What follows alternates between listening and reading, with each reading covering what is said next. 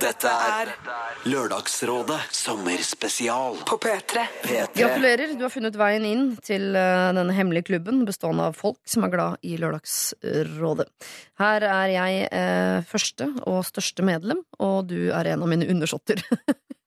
jeg tenker hvis det hadde vært så vel. Det er det altså ikke. Eh, jeg har eh, laget en liten gave til deg. Den gaven består av gamle, gode klipp fra Lørdagsrådets eh, spede start. Og det er ting ingen har hørt på veldig, veldig lenge, fordi det har ikke vært utgitt som podkast før. Nå er det det, og nå er det ditt, og sammen skal vi nå kose oss i halvannen times tid. P3. Dette er Lørdagsrådet På P3. P3. Trenger noen tips. Er betatt av min personlige trener. Han er smart, kjekk osv. Har aldri vært betatt av noen før. Greier ikke å konsentrere meg for 0,50 øre i nærheten av han. Får bare dirty fantasier om han. Syns eh, det var såpass plagsomt at jeg informerte han om det. Sendte SMS og skrev at det var vanskelig å konsentrere seg fordi han er som han er. Fordi treningen betyr mye for meg, eh, og jeg vil ikke noe slikt hindre meg fra fremgang. Men var visst vanskelig å få byttet. Han er meget dyktig når det gjelder treningen, så sånn sett like greit å ikke få byttet. Han flørter ikke noe, vi har bare en god tone, og han har kjæreste ifølge Facebook. Uansett uaktuelt å prøve seg på han siden han har dame. Jeg vil ikke tenke på han hele tiden, blir sjelden revet med når det gjelder gutter, så jeg finner det ytterst plagsomt. Hjelp meg, takk, jente 22. Bytt. Bytt. Bytt. Ja, hun er bare kjempekåt på denne mannen. Ja. Denne personlige treneren. Ja, men det er jo ikke noe Han er jo ikke hypp på henne, tydelig. Han er verken hypp eller ledig. Han er jo profesjonell. Ja. Og da Enten så må hun bare venne seg til det og se om det går over. Eller så Det der byttegreiene hva, mener du at du skal bytte personlig trener, eller Ja. at du skal bytte en å være forelsket i? Nei. Bytte Hvis du kan bytte forelskelse, så kjør på det. det Da. Det er mye lettere. Men uh, ja. Hun er ikke forelsket, er hun det? Betatt. Eh, Ja, men betatt dame, kan ikke de bli bare, bare kåte uten å være forelsket? Jo, men Er det ikke en egen forelskelse som kun uh, fins når det gjelder sånn fysioterapeuter, personlige uh, trenere? Som er, det er, Du møter en mann som er opptatt av bare din kropp og din vel og ve. Det er ikke noe snakk om han. Det er bare meg, meg, meg. Han gir masse omsorg, er snill, han tar på meg, gir meg oppmerksomhet. Og så glemmer du det der med at han er på jobb, at du betaler penger for det. og sånn. Det glemmer man på et eller annet tidspunkt, og så blir man på en måte forelsket. Man tror man er det. Jeg tror ikke det er en sånn forelskelse. Ok. Ja, det kan jo være, men ja, det spørs jo hvor seriøs den er. Hvis den er såpass sånn over... Eller det var ordet betatt. Litt vanskelig å vite hva det betyr. Ja, Om, akkurat nå eh, er det litt vanskelig. Betatt leste jeg på én måte, og Hun har aldri vært så betatt av noen før. er Altså, det høres jo da ut som en forelskelse, tenker jeg. Det er veldig mange Det der betatt-ordet Det er sånn som brukes når man ikke egentlig tør å innrømme for seg sjøl at man er forelska. Jeg Ok. er bare veldig betatt. Å, ja. Jeg klarer liksom ikke tenke på noe annet. Jeg har ikke sovet, jeg har ikke, mat har vært uinteressant på tre uker. Og vi skal For da er det ikke så flaut hvis Ja. det ikke blir er så seriøst. Men nå sier hun også at han er liksom personlig trener, så det, og, og hun beskriver han som om det er egentlig bare kroppen hans. Hun har ikke så veldig mye mental utveksling med han. Det er bare det at han er nære og har en fin kropp. Jeg regner med at de stort sett snakker om henne. Ja, og han er, han er kjekk. Ja. Men det har jo tydeligvis Og vært smart står det også. Og smart. Og ja, nei, da Ja, for jeg har tydeligvis tenkt såpass mye på det at du har tatt kontakt med han. Og jeg tenker at det er ganske eh, lang vei dit, ofte. Ja. Så det må være ganske sånn eh, overveldende for henne, høres ut som for meg. da.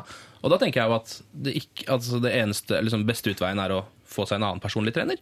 Hvis man er forelska i sin personlige trener, som man ikke har noe som helst sjanse på, som har en annen kjæreste, og bare hver gang man er der, så er det bare et problem, Ja. så ser jeg liksom ikke noen annen utvei som er veldig enkel. Dessuten, hvis du er skikkelig sånn Du har tenkt å trene, og det, er viktig for henne med framgang.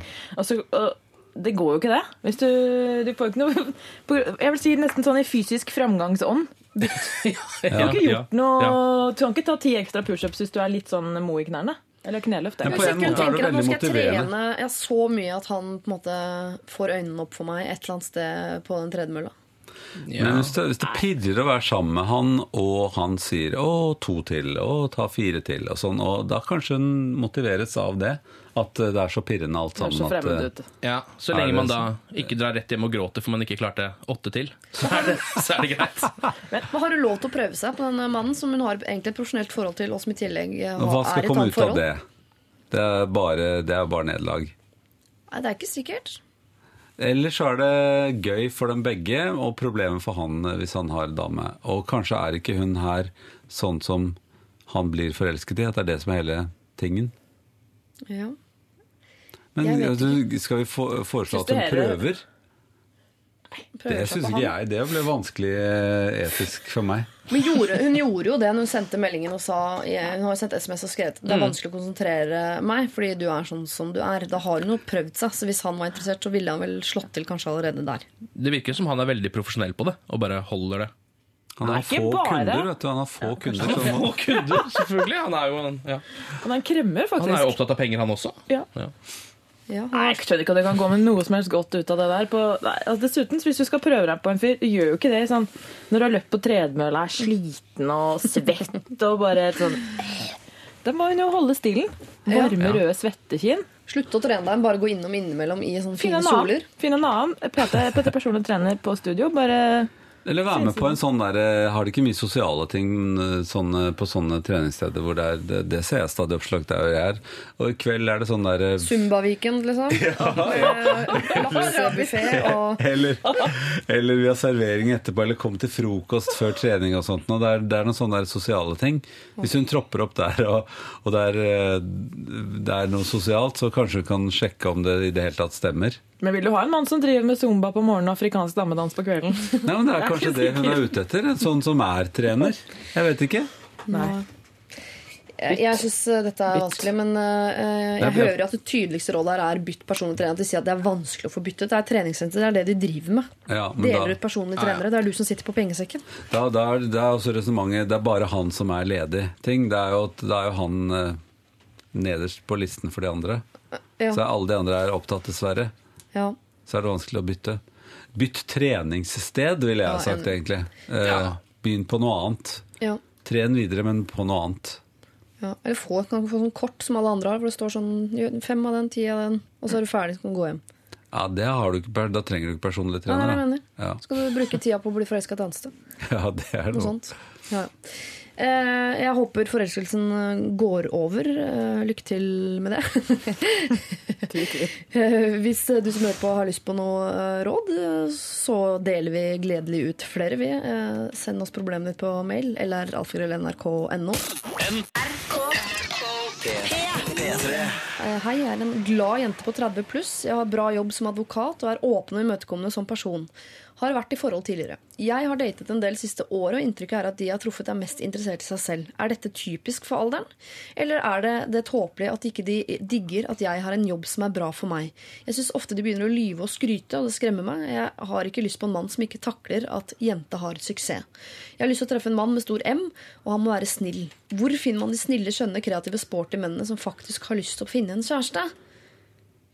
Ja, det Det mange et veldig godt her. spørsmål. Ja, men det var et godt spørsmål. Men skal vi ta dette, Er det typisk for menn i alderen 30 pluss å være mest opptatt av seg selv? Da må jeg nesten snakke med noen menn der. Det blir vel nærmest Ja, det blir jo fort meg, det, da. Ehm, Snakk er om deg selv nå. Det er det. Jeg prøver, jeg klarer det ikke. Kanskje jeg ikke Det er passerte veldig atypisk for alderen Ja, kanskje jeg er veldig atypisk for alderen min. Um, nei, jeg, jeg har ikke noe inntrykk av det. Men det, men, uh, det er ikke, høres ikke så rart ut heller. Fordi hvis man er Det er jo ikke sikkert mange av disse som er liksom oppe i 30-åra og er da single, som møter denne dama, som kanskje har vært alene i noen år og ikke har så liksom mye å snakke om bortsett fra seg selv. Det kan godt hende. Ja, Ellers så er man jo nervøs på date, og hva er det det er lettest å snakke om? Det er jo seg sjæl. Ja, det, selvfølgelig er det det. Og det er, det er en felle å gå i å snakke for mye om seg selv. Ja. Enten så er de, hun, er, hun går så fort lei av dem at hun ikke får høre setning nummer to. Eh, eller så er hun utsatt for eh, det som fra naturens side er at påfuglhannen har flere gøyale fjær enn det dama, han, damefuglen har. Mm. Og sprer dem ut og vifter med dem, og tror at det er det man skal gjøre når man eh, møter en dame. Man skal selge seg inn, på en Ja. måte. ja, kanskje det er et godt tegn. Men eh, Hanne Eggen Røiselin, som jo er mest altså kvinnen med suksess i rommet, hva har du, har du Har du den erfaringen med menn? At de syns det er skummelt at du er så, har så himla peiling på Midtøsten, f.eks.? Uh, ja, jeg har egentlig det. Jeg, jeg har uh, veldig mange venninner, uh, i hvert fall de som har, eh, har samme utdanningsgrad, da. Jeg har doktorgrad. eh, som, vil, som er single, som sier at de er sykepleiere, f.eks. Ja. At det funker veldig dårlig å være så høyt utdanna. Det har veldig forskjellig effekt, altså. Eh, rett og slett. Noen, noen ganger så er det selvfølgelig at vi har gått ut og gjort det som et rent sosialt eksperiment. Men det får veldig, veldig forskjellig For hvis man sier at man, den utdanningen man har, da, så kan man bli en sånn, kanskje en litt interessant samtalepartner, men da er det veldig mange som skal Jeg vet annet som skjer noe veldig, veldig liksom? rart. Ja. Ja. Men man forsvinner på, samtidig ut som sånn eh, jeg holdt på å si objekt. Nå skal ikke jeg sitte og argumentere for at kvinner vil være objekt, da. men man forsvinner liksom ut av den der kurtiserings-dategruppa. Inn i noe annet. Eh, Man blir en av gutta. ja, man blir Ja. kanskje en av gutta, eller en av de litt uh, ubehagelige jentene. Det er et eller annet som er veldig sånn underlig Det er ikke alle som tar den. Men har man muligheten til å treffe mannen med stor M, selv om man har uh, suksess som kvinne? Ja, altså jeg er jo da faktisk gift. Så det har jo gått Fett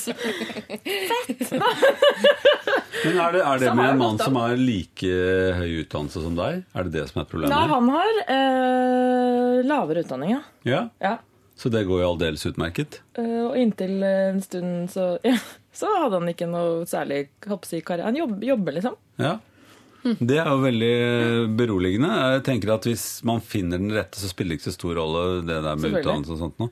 Men kanskje hun har et litt eh, rart bilde av at hun er så veldig utdannet selv. Ja, for Hvis hun har veldig jeg fokus på 'jeg har suksess, jeg er advokat', så, kan, så skjønner jeg at det kan være litt skremmende. Ja, for jeg skulle si at Det er veldig rart, for det er veldig sjelden ja, man, man går ikke rundt selv og identifiserer seg med sånn Ja, jeg heter, jeg har doktorgrad, og så heter jeg Hanne. Altså, man går jo, ingen som går og sier det. det, er det øyeblikket, Hvis folk presenterer seg sånn, så vil jo de fleste backe unna uansett. For det er jo ikke spesielt interessant. Og hun kaller seg jo jenta med stor J, som reagerer på at de hun er på date med, snakker om seg selv. Det her føler jeg at det er en jente som antageligvis vil at de skal snakke om henne og hennes Ja. suksess. Kan det, ja. Dette vet jeg ikke. det kan også virke som om det kanskje er en jente som snakker litt mye om seg selv selv. Og Ja. da blir det på en måte kontringa fra den andre siden å snakke om seg selv. Ja. Det kan jeg jo forstå. Det blir litt sånn, man legger, Hvis man begynner å legge på ganske høye spar, så kommer det enda høyere spar oppå den. Ja, det gjør jo det. Så begynner, ikke når man begynner med en toer eller firer, liksom, så kan man komme i gang med noe annet. Ja. Kan man gå over til en annen farge, f.eks. Hjerter. Hjerter er fint. Flott. jeg Jeg synes det er to ting. For det ene er at eh, jeg, Norge er et så underlig land. For på den ene siden skal vi være så veldig veldig progressive. Altså komme innmari kort på disse kjønnsrollene. Eller Noen ganger lurer jeg på om vi er på vei revers. altså. Vi bare skal være fra at vi skal liksom ha framgang og likestilt og sånn. At kvinner nå blir mer og mer liksom Nå skal vi bare se pene ut. eh, I mye større grad enn før. Og Se på Paradise Hotel og hva det er vi skal være fokusert på. Det andre er jo også jeg personlig er skikkelig dårlig på førsteinntrykk. Jeg bommer alltid. Ja. Jeg trenger eh, mange altså, Jeg har få venner som jeg har tenkt liksom, som jeg liksom, klikka med første gang. Det tar litt tid. Du har gjort en helt ålreit jobb i dag, altså. Så langt. Ja, men Det betyr at vi ikke kommer til å Dette er skjæret seg veldig fort. Neste gang så blir det bare sånn Men er det, er det også et sånt uh, litt sosialt problem uh, som fins her i hovedstaden, eller er hun fra et annet sted? Uh, Står ikke noe om. Nei, for eh, jeg har litt sånn følelse av Nå bor jeg i Bergen, og der eh, kommer det noen ganger studenter som er fra Oslo, og hører på, på måten de snakker på. Det, der har jeg hørt folk som har sagt f.eks.: Ja, ja, jeg kan være sammen med en sånn dame nå, men altså, jeg kan ikke gifte meg med en sånn dame. Hun må være, like å være hjemme og sånn. tenker jeg, Oi, what? det er, okay. Er, er, er det noen som er i sånn revers som Hanne snakker om? Er det, er det rett og slett at man leter etter en annen type som man skal Det er jo fortsatt mange menn som noe. leter etter 50-tallskone. Er det det? Ja, det tror jeg det er veldig mange som gjør. Og til eh, deg, advokatdame med stor, altså jenta med stor J, du, ikke bli det. Det fins jo noen menn også som altså Du vil jo ikke ha den mannen som vil ha det. Kanskje du må lete litt lenger. Jeg tror kanskje det bare at vi skal eh, følge opp med litt sånn som Trond-Viggo sa i stad, at man begynner med en toer og en firer istedenfor å eh, begynne veldig høyt når man legger på kort. Så kanskje istedenfor å starte samtalen neste gang med at du heter Kari og er en veldig suksessfull advokat, så kan du liksom si 'Jeg heter Kari, har du sett den av Oslo 31. august', eller? Jæskla fin. At du begynner et annet Fin sted. film. Ja, Gå litt lenger ned. Ja. Og hvis han legger på firer, så ikke legg på firer du òg, for da blir det krig. Ja. Er Eller sånn vri litt frem og tilbake Ja. Til kløver og spar og til åtteren. Ja, legg på åtteren. Det er det. Dette er Lørdagsrådet På P3. P3. Både Trond-Viggo Torgersen og Hanne Eggen Røiselin tygger mat. Han digger nøtter, det er verre. Paranøtt. De er veldig store. Ken, Parabol. du er eh, frisk og fin inni munnen. Ja, jeg er veldig frisk munn. Ja. Eh, Da begynner vi. Okay. Så får dere henge dere på etter hvert. Eh, Jeg eh, leser. Hei, Lørdagsrådet. Jeg har et problem med ei venninne. Vi har vært veldig gode venner alle tre årene på videregående, og vi bor i dag i samme by. Hun går på BI, og jeg går på universitetet. Selvfølgelig er ikke dette et hinder for vårt vennskap, og vi møtes ofte. Vi har kjempegod kjemi og alt det der, men det er bare én ting hun gjør som gjør meg litt flau til tider. Hun tar bilder av seg selv hele tiden. Altså hele tiden. Hvis vi er ute og spiser, hvis vi er hjemme hos hverandre, hvis vi besøker andre, plutselig ser jeg henne ta opp mobilen og ta bilde av seg selv. Det er ting, øh, det ting hvis hun skal ta bilde av seg selv med andre, men i de fleste tilfeller er det bare bilder av seg selv hun tar. Sist jeg var sammen med henne, brukte hun fem minutter på å ta bilde av seg selv med en yoghurt. På Facebook er albumet Mobile Uploads på 178 bilder, og nesten utelukkende av henne selv. Jeg re- vegrer meg for å ta eh, med meg Mac-en min når hun eh, er der, for som regel ender hun opp med å sitte på photobooth altfor lenge. Er det noe jeg kan gjøre med dette her? Er det en måte jeg kan fortelle henne at hun tar for mange bilder av seg selv? Eller må jeg bare tenke at dette er prisen jeg må betale for å være sammen med henne? Dette er et helt vanlig kunstprosjekt, tenker jeg. At hun tar bilder av seg selv og setter sammen til eh, en fortelling Ja. Om at dette er mitt liv. Men eh, går det så veldig utover det sosiale, altså? Jeg kan skjønne at det, hvis en venninne av meg som må øh, publisere at hun spiser yoghurt, jeg, da ville jeg blitt småirritert. Er det altså. publisering som er hovedproblemet? At det, andre ser det? Det har vel vært mye verre hvis hun hadde tatt bilde av seg selv og noen andre, og publisert den andre også samtidig. Jo, men jeg skjønner behov for å ta bilde på sånn Oi, se der er eh, pyramidene i, i Kairo. Det skjønner jeg at det er tilbehør. Oi, jeg er ute med gode venninner, vi tar et bilde. Men det å skulle ta bilde av seg selv, eh, og det er ikke noe annet som har skjedd enn at du spiser yoghurt, det syns jeg er noe spesielt. Men har ikke noe kunstprosjekt, altså? Det slår meg ikke som et sånt kunstprosjekt, da, men nei, på BI. Nei. Oh, ja, nei, de driver ikke. Jeg tenker vel også at det rett og slett er en dame som liker å se på bilder av seg selv. Ja. Og det er litt, grann- litt grann flaut, det. Det må jeg innrømme. Og hvis jeg hadde vært i nærheten, så hadde jeg Men jeg syns jo det er litt rart at ikke det har kommet opp før. For Ja. hvis man har en venn, og man er venner og man, Jeg hadde sett at å, du sitter jo bare, Hvorfor sitter du og tar bilder av deg selv hele tiden i dag, da? Så hadde jeg jo sagt det med en gang. I dag har du tatt fryktelig mange bilder av deg selv. Hva er det du driver med, egentlig? Ja, men da, da plager det deg ikke så mye, for da er du i stand til å ta den Hvorfor tar du bilde av deg selv da, på en litt sånn kjekk og grei måte? Han er Jo, så de- irritert at det ville ikke ha kommet ut sånn. Det ville ha kommet ut som uh, Jeg tror ikke han klarer å si det uten at hun skjønner. Oi, Ja, dette det er har du tenkt på lenge. tullestadiet. Ja, men det, ja, for det virker Ja, det er akkurat det det virker Ja. som. Jeg syns det er rart at det har kommet dit. At han på en måte har har sittet og sett på henne ta bilder av seg selv nå i to-tre år, og så nå begynner han å tenke Det der er jo litt rart. Ja, Det er litt rart å ikke liksom legge merke til det med en gang og spørre om det, Synes jeg. ja. Det er på en måte Men det toget har gått. Ja, tydeligvis. Det har virkelig gått, det toget der. Så nå må han jo ta det opp med Det her er jo helt ute av kontroll. Det er litt ute av kontroll. Men er det ikke som en annen eh, dårlig vane? Enten det er å gre håret hele tiden, eller å ta bilde av seg med jevne mellomrom. Det er noe som er blitt så automatisk at man eh, burde gjøre folk oppmerksom på det, sånn at de kan si 'Å, gjør jeg det? Tar jeg bilde av meg selv hele tiden? Ja. Grer jeg meg selv hele tiden? Du, det var rart. Eh, Snufser jeg hele tiden? Noen ganger så må jo noen gode venner av deg si Vet du, du tar veldig mye mer bilder av deg enn det folk vanligvis gjør. Hva er grunnen til det? Og hvis hun da sier jeg liker så godt å se meg selv, hele tiden ta bilder av meg selv forskjellige steder, jeg lurer på hvordan jeg egentlig ser ut, så, eh, så kan det jo være en forklaring på det. Eller så går det plutselig over, og så jeg tar da aldri bilder av meg selv lenger. Det gjorde jeg før. Ja, går det an å kommentere på Facebook hver gang hun tar bilde av seg selv? Så kan man skrive sånn Jeg var også til stede, men yoghurten var tydeligvis viktigere. Men hadde hun zoomet to meter til venstre, så hadde jeg sittet der i en grønn blazer. Eller, altså, Og jeg hinter litt på den eh, ja, måten. sånn, litt sånn sarkastisk Aner meg at de eh, som har eh, profilbilder ute av kontroll, det syns jeg er veldig fint. Dette er profilbilder ute av kontroll! Dette må stoppes! Ja, det må slutte. Dette må slutte! Det er jo et virus. Ja, det er det. Nei, men da, da tror jeg kanskje hint er litt heller ikke er det som biter på, liksom.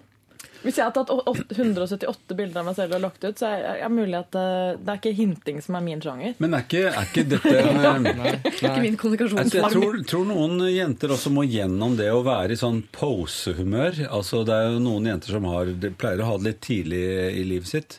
At de har sånn eh, poseting hvor de ser liksom, altså gjør, gjør et eller annet mot et kamera som de tar bilde av hverandre eller seg selv og, og, og, og viser seg. Ofte pouting med leppene. Ja, for eksempel. Ja. Ja. Jeg har lært at det heter posing når du gjør et eller annet. Du bare står sånn Ja, man til poser, venstre. altså Ja. strike a pose, men man Ja. kan også poute. Da er det bare leppene som jobber. Eller man kan vogue. Vogue. Ja, men det er altså strike a pose. Mm. Og det, og det der skal, da- oi, det, skal, det, det der ville jeg tatt bilde av og lagt ut. Ja, ikke sant? Det der er Ikke sant? posen din der, den Vogen min, ja. Den er bra nå. Men, Men det er lov å si fra. Det er lov å si fra. Ja, det er lov å si fra. Det Altså, må man min kjære nesten si fra. Man kan enten si fra, eller så kan man for en gangs skyld dra sitcom-stilen. At man får noen andre til å gjøre det. Ja. Og se hvordan det går. Eller man kan ta det eh, apetrikset som er vanlig for en del. Nei, Det er del sånn, ja, sånn at man eh, begynner å ta bilder av seg selv hele tiden mens den andre gjør det. Opp, Ja. det glemte jeg.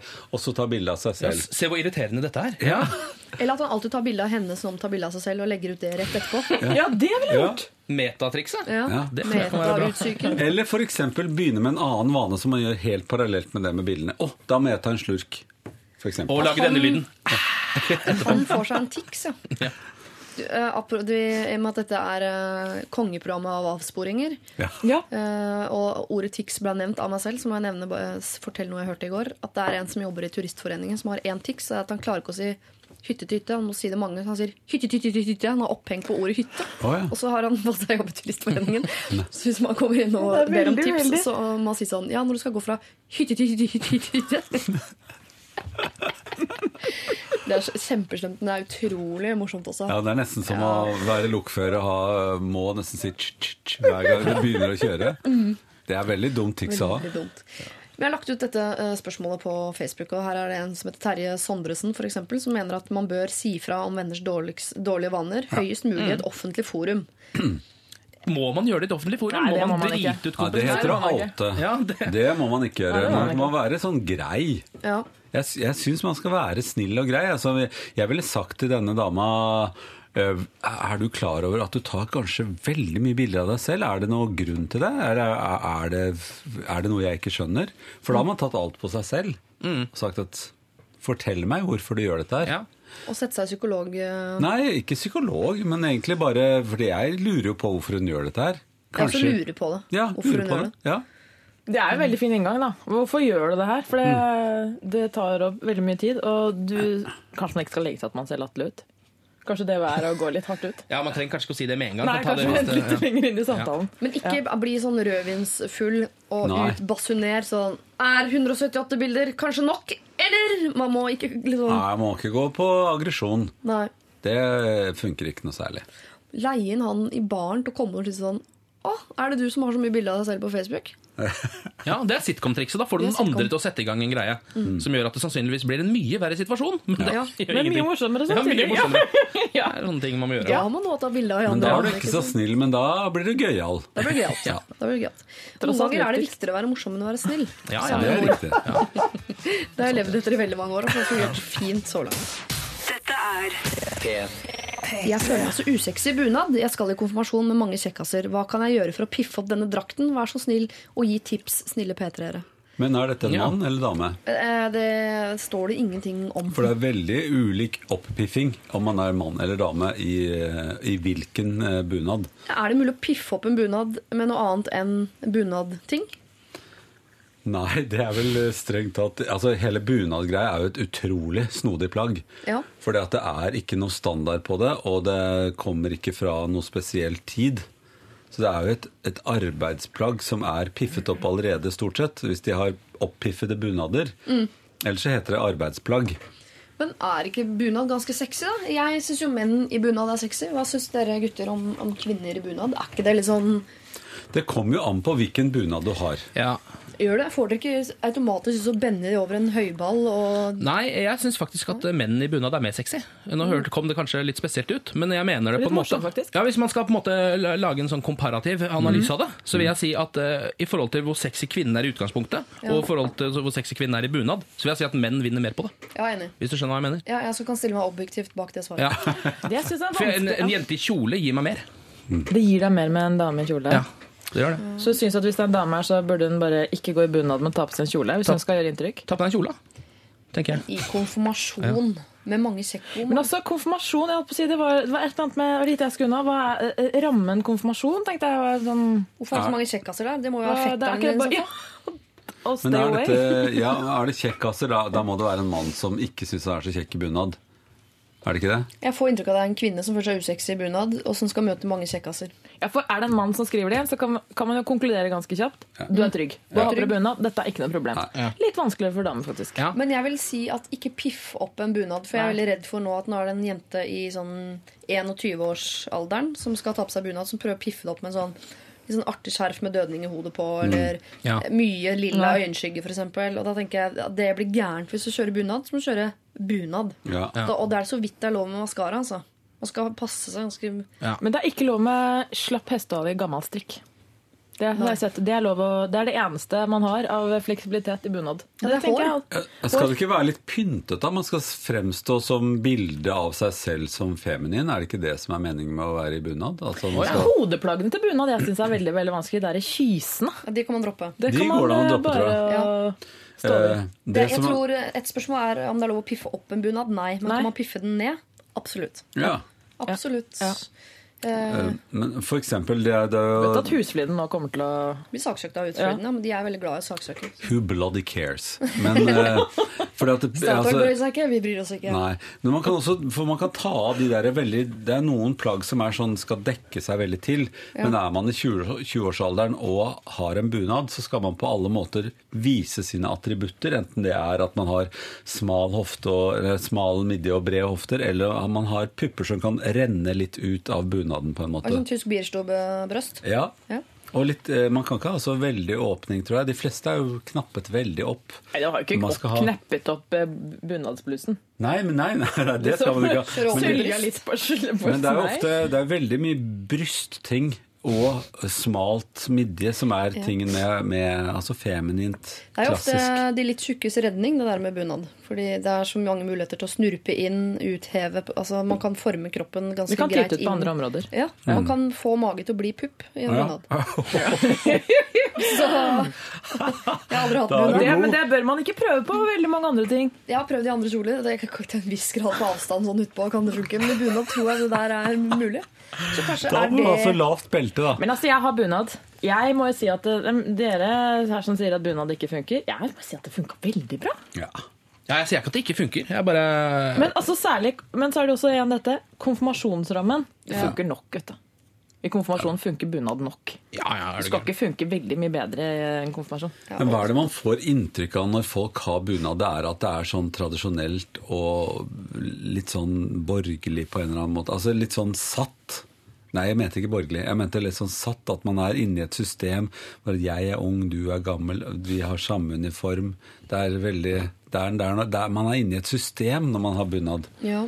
Så da skal de unge ha sånn ungdomsaktig måte å ha det på, og så skal de gamle liksom kle seg inn og ha kyser og få håret oppi det der der og brr, Yep. Virker veldig satt. Anarkister kan ikke ha bunad, er det det? Jo, nei, det kan ikke ha sånn, du kan ikke ha et slips på en bunad liksom, som ikke skal være der, eller du må ha sløyfer og Det er et eller annet gammeldags og, og Bunad er i all- høyeste grad gammeldags. Ja, og det går ikke an å ha på seg på en veldig moderne, piffaktig Nei, nei, måte. ikke piff. Det er ikke lov å piffe opp. Nei. Man kan piffe ned. Ja. Og så synes jeg Et godt tips også er å dra for eksempel ned på Aker Brygge på 17. mai, og så ser du hvem det er som ser bra ut. Er det de i bunad, eller er det de på en sånn solvarm maidag Men som når du går rundt sier i, i ned, på, skjørt og topp? ned på Aker Brygge, hvor, da må man jo bo nære Oslo. Fordi at Eller gå ned på Bryggen i Bergen eller en annen brygge. Da. Det er, ikke stort, det er brygger i de største, Brygga. største byene i landet. Nå gå ned på brygga og sjekke, sjekke de andre. Dra er til nærmeste brygge. Ja. og se hvem som ser best ut. De i bunad eller de i noen sånn topp og tights fra, fra Lindex. Altså. Det er bunaden vinner hver eneste gang. Og ikke ligg med fetteren din i den konfirmasjonen. Hva?! Ikke gjør det! Ikke gjør det. Dette er er P3. Hanne Eggen Røiselien, Ken Vasenius Nilsen og Trond-Viggo Torgersen. Kjære Lørdagsrådet, vi har et problem. For noen år siden så arvet jeg og min bror en hytte på fjellet. Begge har vi vært der en del i barndommen, men det har ikke blitt så mange turer etter det. Eh, Mye fordi vi har studert, eh, studert begge to og har ikke hatt tid, men også fordi den har vært i ganske skral forfatning. Broren min ønsket ikke å beholde hytta, så min mann og jeg kjøpte han ut. Nå har vi satt i stand hytta, og vi er der ofte. Fordi det har blitt veldig veldig fint, men også fordi vi er an, i en annen livssituasjon, selvfølgelig. Mann og barn, og du vet. Problemet nå er at min bror vil låne hytta ganske ofte. Jeg er ikke smålig eller grisk, og hadde dette vært en hytte vi hadde kjøpt og eid av andre grunner, så tror jeg ikke det hadde plaget meg noe særlig. Men når det er bror vi har kjøpt den av, så skurrer det litt for meg og min mann. Det vil jo si at han fikk penger, han slapp å pusse opp, han slipper utgiftene, men han kan allikevel bruke hytta. Samtidig så føles det også feil å si nei hvis alternativet er at hytta står tom. Vi har den samme inntekten, så det er ikke snakk om stakkars lillebror, dette her. Eh, Det virker mer sleipt, spør du meg. Vi er gode venner og felles turer, så jeg er ikke bort fra at det kommer til å skje. Og det plager meg ikke på samme måten. Men hva sier jeg da, når han til stadighet vil låne? Mathilde. Ja, dette syns jeg var veldig reelt. For at, eh, det er hoveddilemmaet her. Altså Hadde det vært en, en, eh, en du ikke kjente, så ville man sagt ja, dere kan få leie den. Uh, eh, hvis det hadde vært en venn, så kunne man mye lettere sagt nei, det låne hele hytta, det går ikke. Eh, men når det er nær familie, så blir man jo den derre skvisen om at dette Altså, det, det går ikke an å si nei. Um, uh, så enten så må hun nok si at um, Vet du, det passer ikke da og da, altså fordi at vi skal bruke den, eller vi har lovet den bort til et vennepar, eller noe sånt noe. Sånn at man uh, liksom tisser litt i hjørnene og sier at det, dette er faktisk helt vårt. Så du må spørre, og så må vi kunne si nei, og så Ja. Og så kan du låne den innimellom. Ja. Ja. Så man må, må øve seg på å si nei, men man må forklare hvorfor man sier Ja. nei. Men det virker også som at eh, hun på en måte vil um, få til broren sin at han er litt sleip også. Virker, gjør det ikke det, da? Eller? Virker Fordi, i hvert fall litt irritert. ja, for det å bare på en måte si nei, du kan ikke låne den, da har man på en måte ikke løst det problemet, tenker jeg. Da har man på en måte bare løst det problemet med hytta. Og det er ikke så farlig her, virker det som. Og så har man jo løst den for den ene gangen, selv om man da, for da åpner jo opp for ljuging. Så sier jeg Ja. du kan ikke låne den, vi har lånt den bort til noen andre. Men så går det jo noen uker, da, så spør han igjen.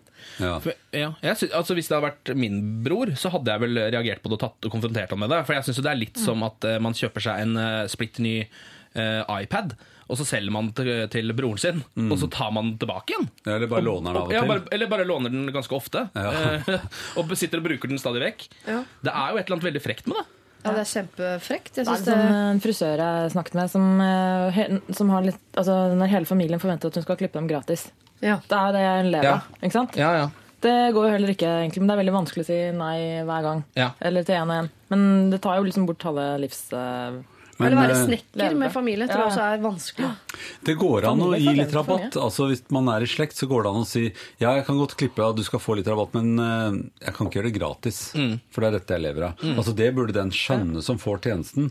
Så han broren burde si kan jeg få lov å låne hytta da og da, men hva skal jeg betale for det? For at jeg har jo jeg blitt kjøpt ut. ja det burde, sånn burde det jo være. Sånn burde det vært. Men han er jo ikke sånn. Ellers så kan, kan hun gi han oppgaver. Ja, men da er du nødt til å fikse stakittgjerdet, eller altså For det ville jo vært vanlig for denne personen kanskje å fylt opp Eller man fyller kanskje ikke opp kjøleskapet på en hytte, det, men, og, gjort, og gjort et eller annet der, da. Ja. Lagt igjen noe, eller eh, jo, kjøpt noe til hytta, eller Men det Ja. virker jo ikke som man gjør det heller. Nei. Det er lov å si fra, og så er det også noe med at familier må, særlig søsken, tror jeg, tåler å krangle. Ja, Jeg, tål- kan, jeg kan være uenig med min kjære bror, Ja. men eh, det går jo liksom ikke på søsken. Jeg kan jo ikke sånn ditche han som bror. Det har jeg aldri vært på Nei, jeg, eh, dette legger jeg inn i mailen uten at det er nevnt i det hele tatt. Men jeg bare innbiller meg at det er kona til broren her som også er sånn Kan du ikke bare låne den hytta? Jeg bare ser for meg en sånn oh, ja, du ser for deg den. Yoko Ono-figuren? Ja. Men det er ikke en, det er ikke en kone inni teksten i det hele tatt, er det Jo, ikke jeg får inntrykk av at begge har giftet seg på hver sin kant, og at at ja. han valgte Mm. å ikke. For jeg tenker sånn denne broren her har jo hatt tilgang på hytta, men han har sagt nei, jeg vil ikke ha tilgang på hytta. Jeg Mm. vil ikke ha noe med den hytta å gjøre. Blitt kjøpt ut, og så vil han plutselig ha noe med den hytta å gjøre. Det Ja, for slå opp opp med dama si, og så, Ja, og så forventer du å fortsette å, å ligge med henne. Liksom, Ja. Du skal bare ha godene. Du Ja. skal ikke Eh, men eh, jeg, jeg tror nok hun må tenke litt over hva det er hun reagerer på med at han låner hytta også. Altså En ting er at det kan jo være litt sånn at hun føler seg litt kjip hvis hun ikke vil låne bort til broren sin. Men eh, samtidig så kan det jo være at hun faktisk De holder den i orden og steller på den. Og hva om han hadde knust noen glass eller noe sånt skulle altså Hvis han da ikke eh, eh, replace it, hva heter det for noe? Gjen, gjengjelder det der på en eller annen måte, så så vil det bli enda verre. Så hun må finne ut hvor mye hun tåler av at han bruker den og forbruker den. da. ja. Eh, hvis de vil ha den helt for seg selv, så må jo nå si det. At nei, vi vil ha den helt for oss selv. For vi bruker den ganske mye nå. Ja, eller i hvert fall si fra sånn, men du ville jo ikke ha denne hytta. Du ville jo ikke ha noe med denne hytta å gjøre. Hvorfor vil du det nå? For da må man jo svare på noen spørsmål sånn Jo, fordi nå er den så fin. Eller nå er det jo gratis. Eller Det er ingen svar på det spørsmålet, tror jeg, som ikke setter deg i ganske dårlig lys som bror. Du blir sleip, liksom. Ja. Nei, Det går jo an å bare rett og slett si Hvis han har brukt den, eh, hvis han har brukt den litt mye en periode, så kan man jo si det. Nå bruker du hytta såpass mye at vi må lage en eller annen avtale på det her. Det er jo jeg som eier den nå, jeg har kjøpt ut der, kan ikke vi finne ut av et eller annet? Det må jo være mulig å ordne en avtale på det. Kan enten, hvis, om han da vil betale litt, eller om han vil gjøre noe, eller i hvert fall da blir klar over hvor frekk han er, Ja. så er jo det en ganske lang Da har man kommet ganske langt, Ja. tenker jeg. Ja. Da tenker han seg sikkert om neste gang også, før han bare spør mm. uten å gjen, gi, gi, gi noe tilbake. Ja. Jeg får lyst til å slå et slag for den gode samtalen her. Jeg kjenner at det er flere av de som har problemer, som eh, ikke veit åssen de skal snakke sammen. Ja, men det er, det er jo det som er så vanskelig, at uh, søsken har jo en, et helt liv bak seg. Eh, og alle andre kan man liksom dytte litt på avstand og gjøre det til en sak. Og det er veldig lett for oss, for vi kan gjøre det til en Ja. sak til luxe. Men det kan jo være ting som å her døde bikkja vår, og mor var så glad i den, og jeg er egentlig glad i mor, selv om hun Altså det kan være veldig mye emotions som man ikke tenker på når man sitter sånn på avstand. Altså det der med det bror- og søskenforholdet, hva er det for noe annet som syns i det med hytta? Ja. Det kan være vonde ting, så det er, det er ikke sikkert at det er en lett samtale. Eh, og det er jo et stort dilemma, da. Skal man, eh, altså jeg ville ta den the easy way out og si litt sånn Jeg vet ikke om jeg snakker mye engelsk innimellom nå, men, eh, men jeg ville nok sagt at eh, Kan du ikke bare si at vet du, det passer ikke? Det er jo deg Lov som eier den. litt. Nei, men du kan jo si det passer ikke. Da har du ikke sagt uh, så Nei. veldig mye. Altså, man kan står her jo vi er gode venner, og jeg ser ikke bort ifra at vi kommer til å dra på noen felles turer til hytta. Så de har jo et godt forhold, men jeg er enig i at det er nok den gode samtalen som Ja. må Ja, finne Hvor langt ned i den samtalen skal man gå før dette med hytta ødelegger noe annet? ja. Ja, det er jo om, ja, vil man beholde bare husfreden og la det stå til. Men da kommer hun jo bare til å bli mer og mer og mer, og mer, og mer irritert på broren sin ettersom tida går. Ja, så Derfor ville jeg sagt eh, Vet du hva, eh, det, akkurat det passer ikke nå. Nei. Fordi at vi har planer med det og det. Og så bør ikke hun forklare og det ble det ikke noe av, så nå kan du låne likevel. Det, det må hun jo ikke gjøre. Hun kan Man bare si ikke at det vikle passer. inn i et sånn, Nei. et- et edderkoppnett Nei, av nei, løgner. nei, det må ikke være sånn der løgngreie. Men å si at Å ikke. ja, nei, det passer ikke. Ja, det er jo egentlig sant. Ja. Ja. Enten det, den gode samtalen eller den noe korte samtalen. Det passer ikke. ja. Ja. Øve seg på å si nei når det er nei.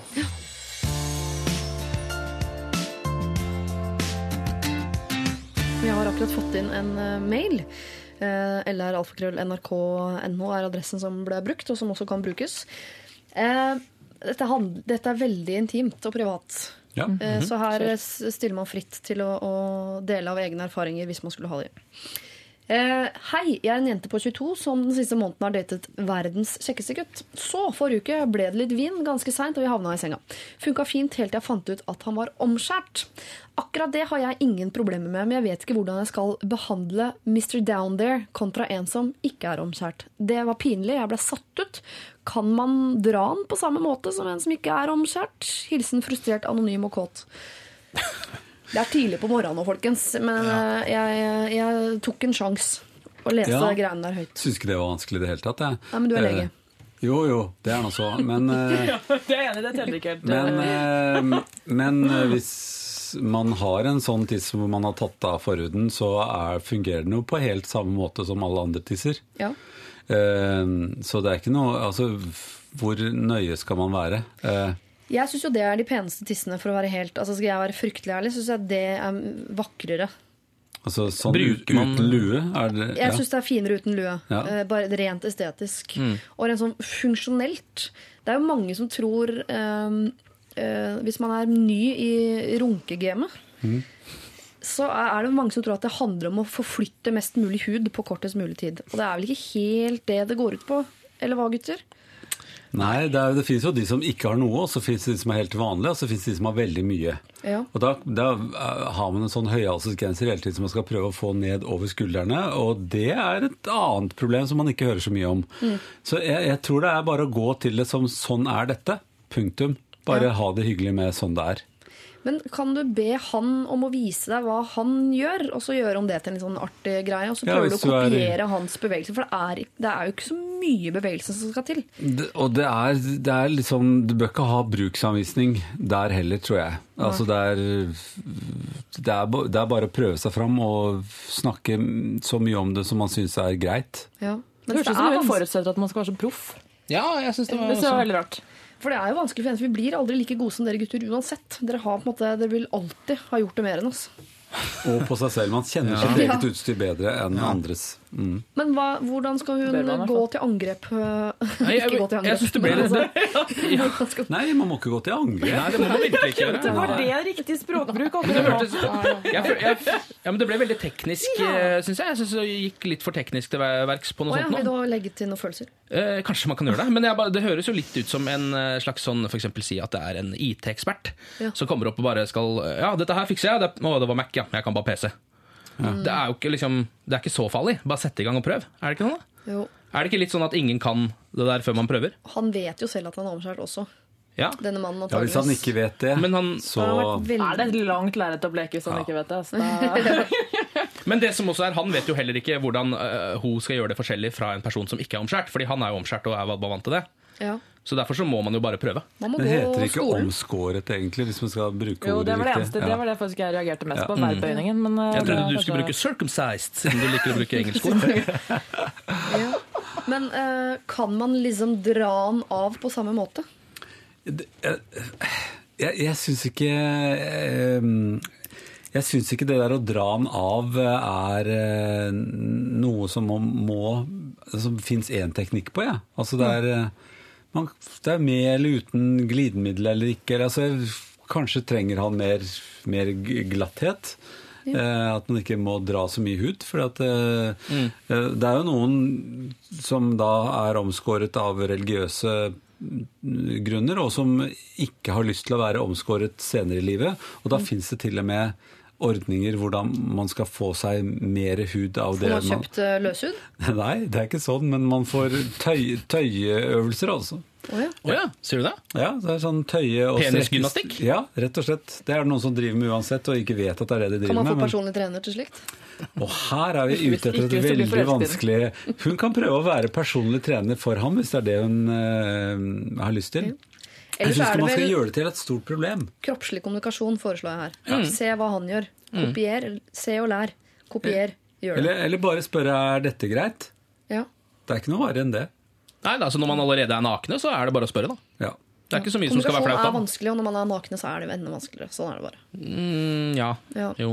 Ja. Men man har på en måte Ja, Man, det er jo selvvalgt Man har kommunisert en del før man får av seg klærne. ja det man har jo ofte Nei, ofte ikke. Ikke? Ja. Men de nå der, er- de der de har dater jo. drukket mye. Nei, de har drukket mye. Det ble en del vin, og vi hentet i senga, var det hun sa. Ja, Um, det var ganske seint. ja. Det var forrige uke en gang. Men da er det merkelig at hun i det hele tatt har vært opptatt av det. At han er omskåret, som hun burde ha skrevet. Eh, Men mm. det er greit. Det er greit. Bare prøv. Du får det helt sikkert. Det er ikke rakettforskning. Det er én pinne med litt Jo, det er vel egentlig det Og det det er. en, én Altså, to veier å gå rakettforskning. opp og ned. På en måte. Det er litt sånn rakettforskning.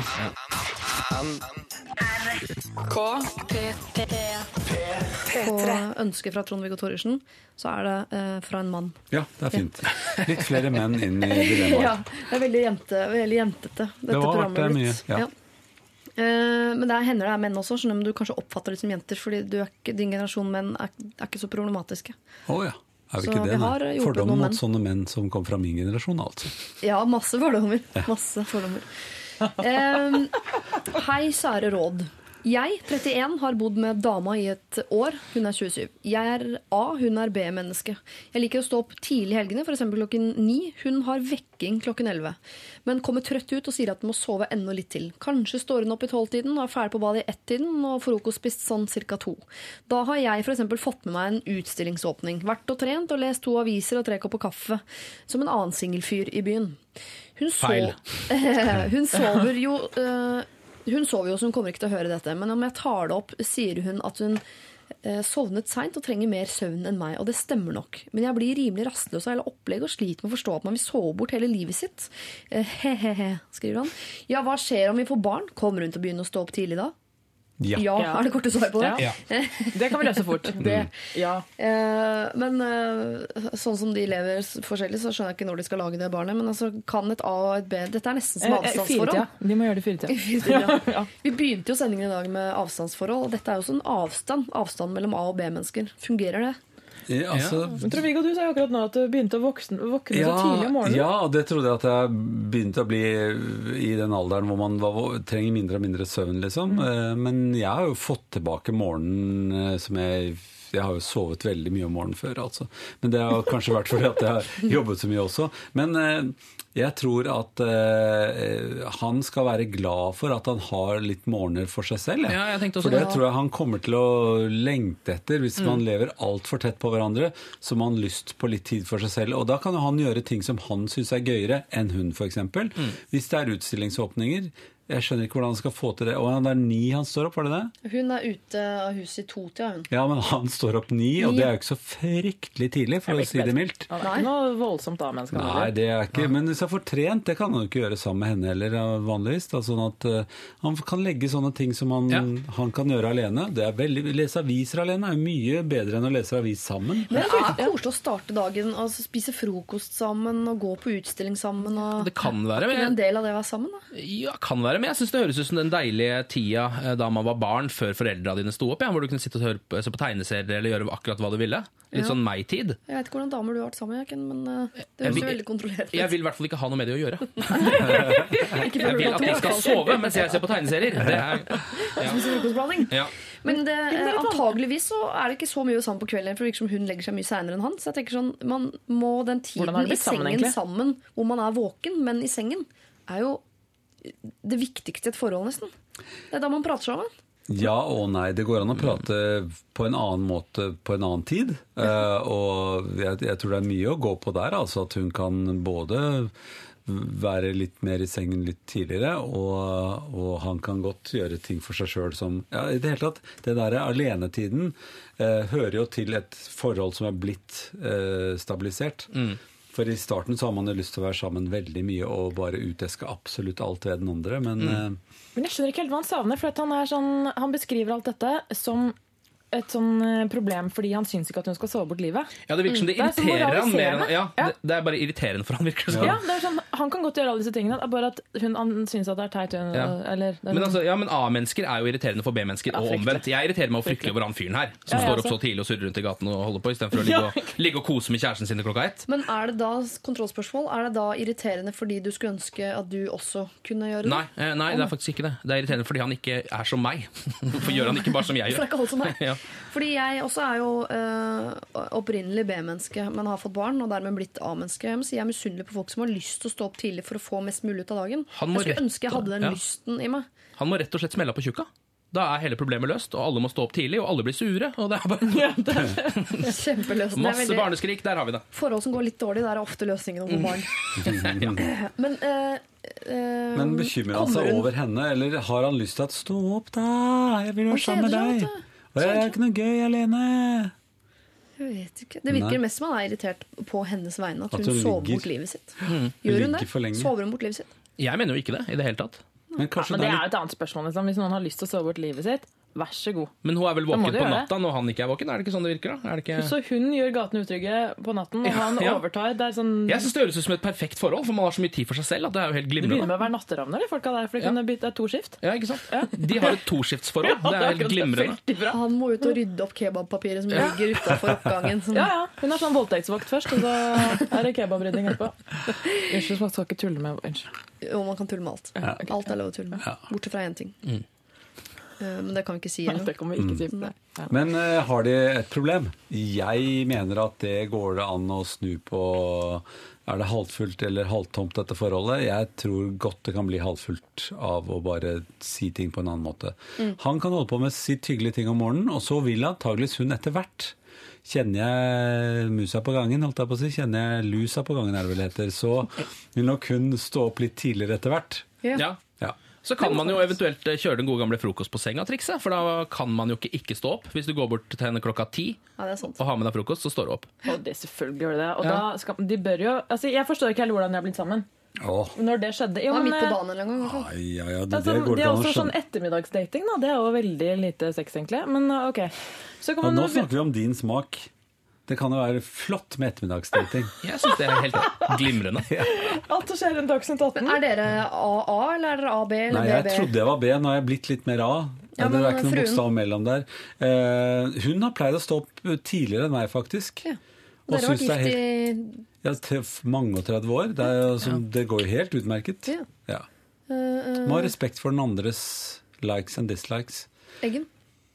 Jo, eh, i familieforholdet, tenker du på? Ja, giftermålet. Ja, ja.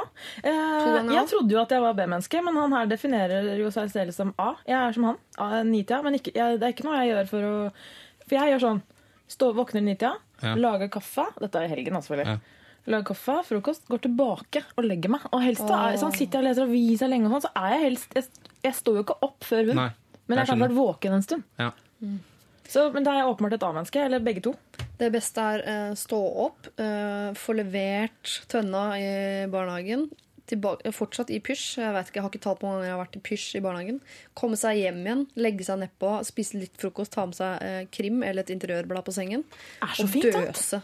Og det er, det er ofte da når jeg er tilbake i sengen, så er fortsatt klokken sånn på åttetallet. Ja, deilig. Det er veldig deilig. Og så kan jeg, stå opp, kan jeg fortsatt stå opp for andre gang og likevel føle meg som et A-menneske. Ja, ja. Også på runde nummer to.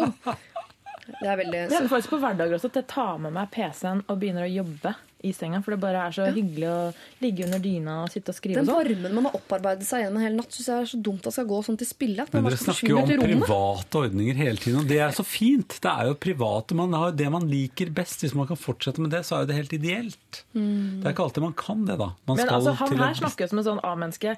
Altså, det finnes forskjellige typer A-mennesker. En ting er å våkne tidlig, men fremdeles, da. Som du sier, servere frokost og sånn. Mm. Og så er de som er sånn Nå må vi opp, nå skal vi få med oss dagen! Ja. Og så Ja. vi liksom, nå skal vi gå på Pikka ski! Ja. Det er jo veldig slitsomt. Ja. Jeg foreslår at du A-menneske, du står opp før henne, trener, kommer tilbake, så lager du frokost til dere begge to, og så går dere på den utstillinga sammen. Veldig bra. Ja, det må fungere, den greia der. Det er klart dette. Hvis hvis han liker henne og hun liker han, så tilpasser det seg etter hvert. Dette er Lørdagsrådet På P3.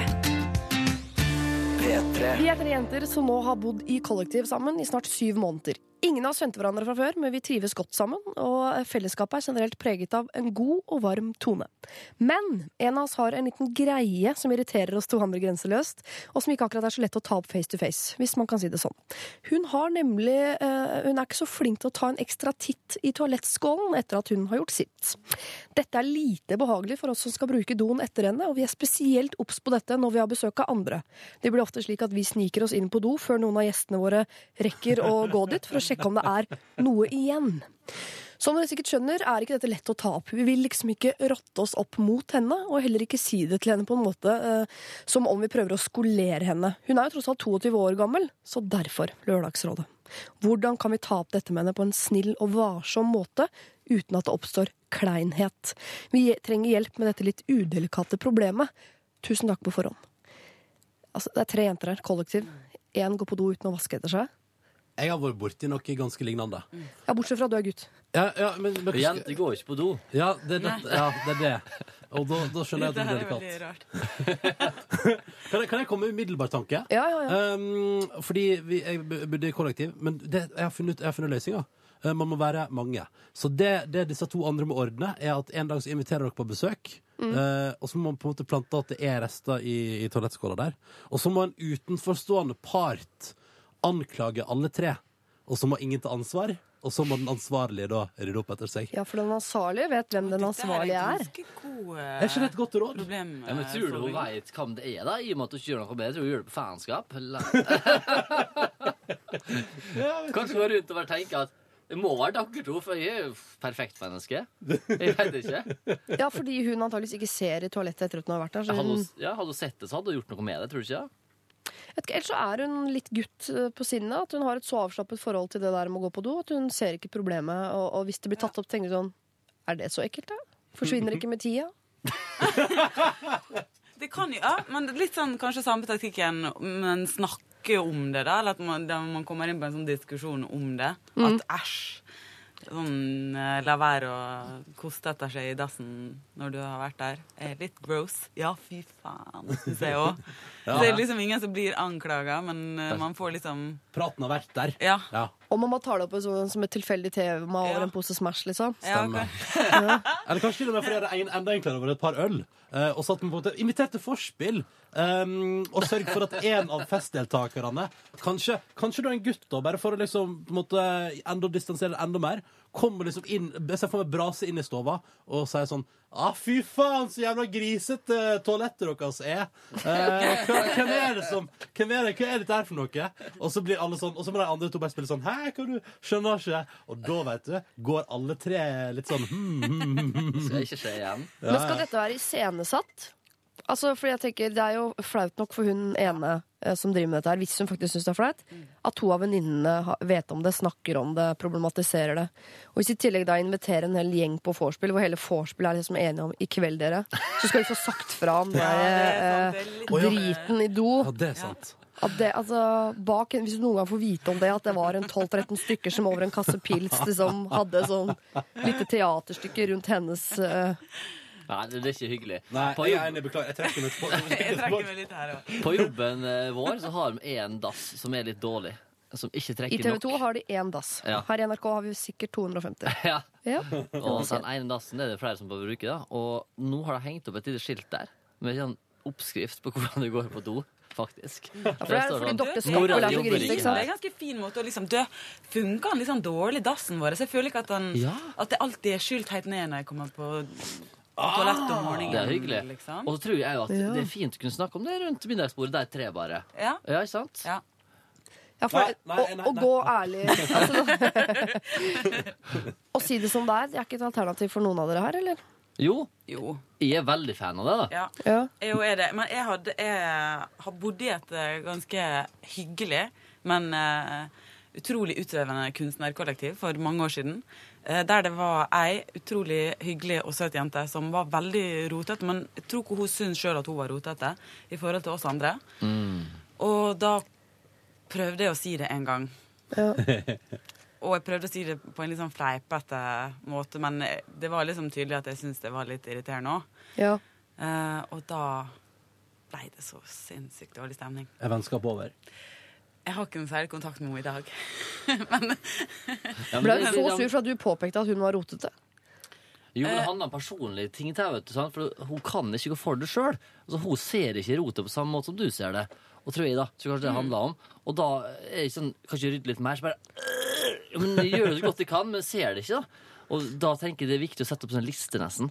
Skrive sånn Dette her er ansvarsoppgaver. Altså, etter å, vaske, etter å ha spist, så skal en ta og vaske opp uh, tallerkenen og sette den på plass. Og er etter, du, og etter at du har vært på toalettet, så skal du sørge for At du går ned med skrubben og sjekker at det er bra. Og så Ja. kan vi gå ut og vaske hendene. Å ja. ja. Men de, er, de sier her at de vil eh, nødig skolere henne. Hun er tross alt 22 år gammel. Ja, Tross alt 22. Uh, uh, det er tross alt ganske ungt. Ja, jeg er enig, fordi man blir ikke Altså, jeg føler, ikke, jeg føler på en måte at jeg, jeg er ikke på noe som helst utskolert i en, en alder av 25. Føler fortsatt at Men du vasker etter deg på do? Ja, det gjør jeg. det gjør jeg. Eh, Men, men, men, men jeg, jeg, som den, jeg merker at jeg er den konfliktsky her, så jeg vil bare eh, altså, unngå for all del konfrontasjon dere Jeg hadde aldri, jeg hadde aldri konfrontert rundt middagsbordet. Jeg hadde gått for min plan, men jeg hadde alliert meg med én person. Én person hadde kommet inn i dette kollektivet og på en måte skapt en diskusjon ut av det, og bevisstgjort uten at hun, eh, denne aktuelle jenta vet om det. Og da mener jeg at der har man den perfekte løsninga. Altså, det er sånn bevisstgjøring gjennom at man tar en prat om det, sørger for pass på at hun følger med, liksom at hun er litt sånn 'Å ja, ser du det, ja?' At man på en måte har en dialog. Og da kommer, hun til å, liksom, da kommer det til å forsvinne av seg sjøl. Og det er jeg for, at ting forsvinner av seg sjøl. Hvis jeg, eh, det er jo hun som går på do også, til, for at ting forsvinner av seg selv. Ikke så glad for å holde opp. Eh, Men hvis jeg drar den der dramatiske toakteren din noen ned, da, så tenker jeg eh, Hvis de to som allerede vet om problemet, eh, later som det bare er én som har merket problemet, så hun tar opp med de to andre Ja. Én av dere vasker ikke etter dere på do. Det må en av dere begynne med. Jeg veit Ja, ikke hvem av dere er det er. Og så sitter begge der, og den ene later som hun er flau, den andre er flau. ikke sant? Ja. Ja, det der er helt nydelig, Siri. Mm. Jeg har lest mailen på forhånd, vet du. Det er derfor. Jeg har ringt rundt og snakka med Statistisk sentralbyrå. Um, ja. men jeg vil, ikke, jeg vil ikke at du skal lande der bare fordi Jo, dette mitt program. er men kunne vi ikke mitt tatt opp med flere ting Hæ? på en gang? Altså, sånn, ja, det ser helt jævlig ut i gangen. Det er rotete på stua, og dassen ser ut som noen har vært på do. Ja, Ja, ja så kan liksom Ja, ja, ja. Altså, alle tar litt skyld. Ja, jeg- det er min skyld på stua. Ja, den getboxen burde vært sletta, liksom. Og ja, jeg skal gjøre det, og Det er litt enig, det er litt enig faktisk. At man, ja, at man kan, kanskje kan gjøre det til at én tar på seg ansvaret å være den raljerende ene i kollektivet som på en måte får et lite utbrudd i stua der. Ja. Og at det vil føre til at hun ene igjen da blir bevisstgjort på sine mangler. Ja. Ja. Det, eh, altså, det syns jeg er et godt tips. Dere, dere må ta det opp. Ikke involver flere mennesker. okay. Eh, Men ta det opp på en litt, så, en litt hvit løgn er lov i Mm. en ellers eh, for brun tilværelse. om jeg kan si det sånn. Dette er NRK P3. P3. Hei, Lørdagsrådet. Jeg har fått et problem. Etter en rekke svake innsatser i norsktimen fikk jeg en kraftig rettesettelse av læreren, mann i 30-årene. Da kom jeg på en episode fra Friends, der en student forteller Ross at han sliter med å konsentrere seg fordi han er så forelsket i Ross. Jeg dro den samme historien og ble av alle ting trodd. I starten var dette bare fint, jeg fikk ekstra hjelp, lengre frister, men nå har jeg fått litt uønsket oppmerksomhet tilbake fra denne læreren. Dette er noe jeg selvfølgelig ikke er ute etter, for jeg er temmelig sikker på at jeg ikke er homofil, men jeg kan jo heller ikke innrømme at jeg har løyet. Hjelp! Takk for, takk for svar. Hilsen angrende 18-åring. Ronny Brede Aase, Ja. Hilde Marie Kjersem, Gaute Grøtta Grav. Vi har en gutt her på 18 som har sagt at han er forelska i læreren sin for å slippe billig unna på skolen. Og nå gjengjelder læreren følelsene. Hva- Det er ikke helt sikkert, da. Han føler det. Ja, gutter er jo innbilske av natur. Ja. Eh, men la oss nå eh, Vi bare anerkjenner at han er forelsket. Altså, lærer, det, Læreren. Vi, vi, vi syns at læreren er Vi forelsket tilbake. syns at læreren er forelsket, for det gjør Ja. problemet mer problematisk. Men det kan godt være at han, han har blitt så smigra av dette her at han har nesten framprovosert noen følelser. Ja, sånn, ja. Altså ikke framprovosert dem med, bevisst, men litt sånn at det bare har ah, Det bare har dukka opp noen eh, ja, sjarmerte At, at han tar det som et så stort kompliment at han tror han er forelsket, nesten. Ja. Jeg, jeg tenker umiddelbart at den 18-åringen er nå snart ferdig på videregående. Hallo, Ja. det er et halvår igjen. Ja. Uh, Han er i andre klasse. Han kan være i andre klasse, altså. kan han det, ja? Ja. han, Å, ja, ok. Men uansett, det kan hende han bytter lærer. Hvis han må skryte på seg et homofilt, erotisk eh, øye til læreren, så lukter jo ikke skoleflink. Han, han kan fort ha gått førsteklassen tre-fire ganger. Det- Det vet du ikke. Men altså, når du, hva, heter det? Sånn når en reder ligger mann, det heter? Ja. Så driver du lukt, driver og skryter på homofili, så blir det jo plutselig det, da. Da må Ja. du ha homsesex, er det det du sier? Nei, jeg må ikke, men jeg tenker at han her eneste han kan gjøre nå, er å finne seg jentekjæreste og komme på skolen og råkline med henne rett foran kjæresten. Ja. Eller altså da læreren, da, som eh, vi kan kalle den. Mm. ja, gjør det. Det er skikkelig, men da vet du hva det kommer til å slite så grusomt i norsk framover. Ja. Tror du det, jeg, da? Ja. Eh, men, men, men det er et eller annet med Vet du hva? Det er prisen å betale, da. Eh, for hvis du eh, Altså, og tenk at Friends skulle føre Altså, At du blir påvirka av Friends til å gjøre dumme ting, det tror jeg ikke. Men det, det blir man, da. Og du 18-åring eh, som, eh, som, som har løyet til læreren din, nå nå, det må, det må det, ja, det, det, jeg, jeg ville bare waited it out, uh, for å bruke det, det uttrykket. Jeg ville bare, jeg bare satsa på at sommeren er over, og at læreren finner seg noen andre å bry seg om. Men det kan, kan, jeg, kan jeg komme med For du sa vi tar som utgangspunkt at, at læreren er forelska. Men det kan hende at læreren bare syns litt synd, og tenker sånn uff, du lever ulykkelig Ja, jo. kjærleik Ja. eh, til meg. Eh, Kanskje jeg bare skal stryke litt ekstra på deg, være litt kjærlig, bare for å vise at jeg måte, bryr meg og respekterer deg, og, og, og, og setter pris på at du er ærlig mot meg, tenker læreren. da. Um, så jeg ville vel satsa på at det bare var det, og så ja, ville jeg gjort som Gaute sa, bare funnet noen andre å råkle med foran læreren. Er det, det er kjempedårlig gjort, da, kanskje? Nei, nei, nei. nei. Læreren takler det fint. Han er profesjonell, eh, det, det greiene der. Ja, ja, ja. Han Er 18 år. Ja. Da er det lov. Ja. Er ikke det ulovlig? Nei, men ikke Ja, men du er jo ung, liksom. Selvfølgelig. Du forelsker deg i hytt og pine, ja, sånn, ja. liksom. Så Ja. læreren bør skjønne. Å ja, yes! Ja. Du sender sendt lapp til læreren. Jeg er ikke forelsket i deg lenger.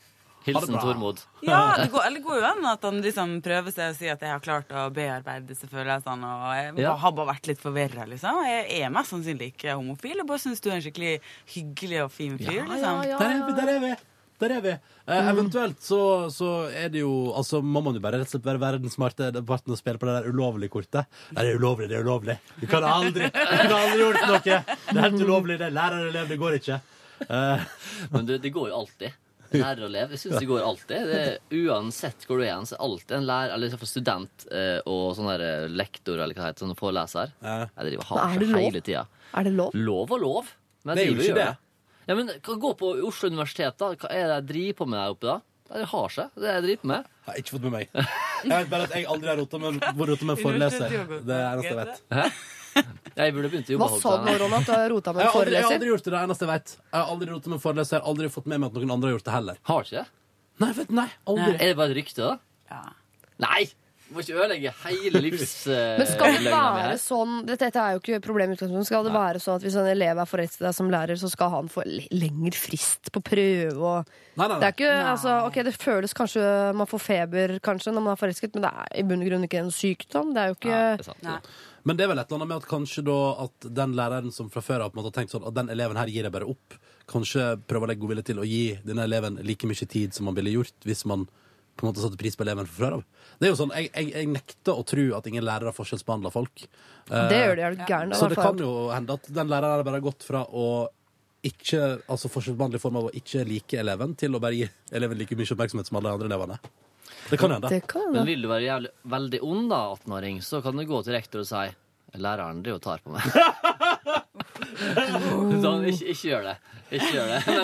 Men det fins onde folk i verden som ville gjort noe sånt, og det er ikke å anbefale. Det setter i gang noen sånne rutiner eller sånne snøballeffekter som ikke du vil være med på. Ja, Men problemet er jo at gutt 18 får uønsket oppmerksomhet fra sin lærer. Ja, og og hvordan får han stoppet den? Da sier eh, Ronny Brede, du sier ikke stopp den, la det ture og grå fram til august. Det er snart eksamen og russetid, og glem hele greia. Ja. Gaute sier ikke vær ond, men finn gjerne en eh, jente, rekvisitt, og bring henne med inn i norsktimen og klin foran læreren. Veldig fornøyd med den. Eh, Hilde Marie, du har ikke helt anerkjent at han er forelsket, denne læreren. Nei, det Jeg tror eh, ja, sånn jeg, Men nå, tar jeg med, tar, nå later jeg jo som at jeg er 18 år, da. Men det er jo han ikke, han læreren. Han er 30. Ja. 30 og 18.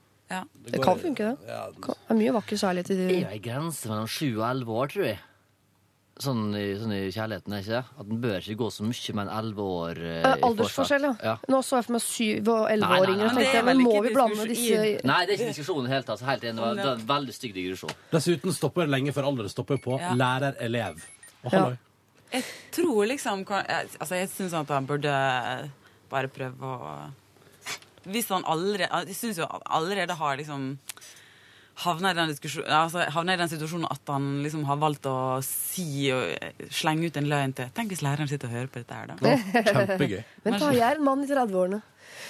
Han burde jo liksom ta en eh, Ja, jeg syns han burde ta Ta på seg den eh, samme drakta og ta en eh, prat tilbake igjen, hvis han syns at dette her er et problem. Ja. Han syns det er såpass stort problem at han sender inn til Lørdagsrådet.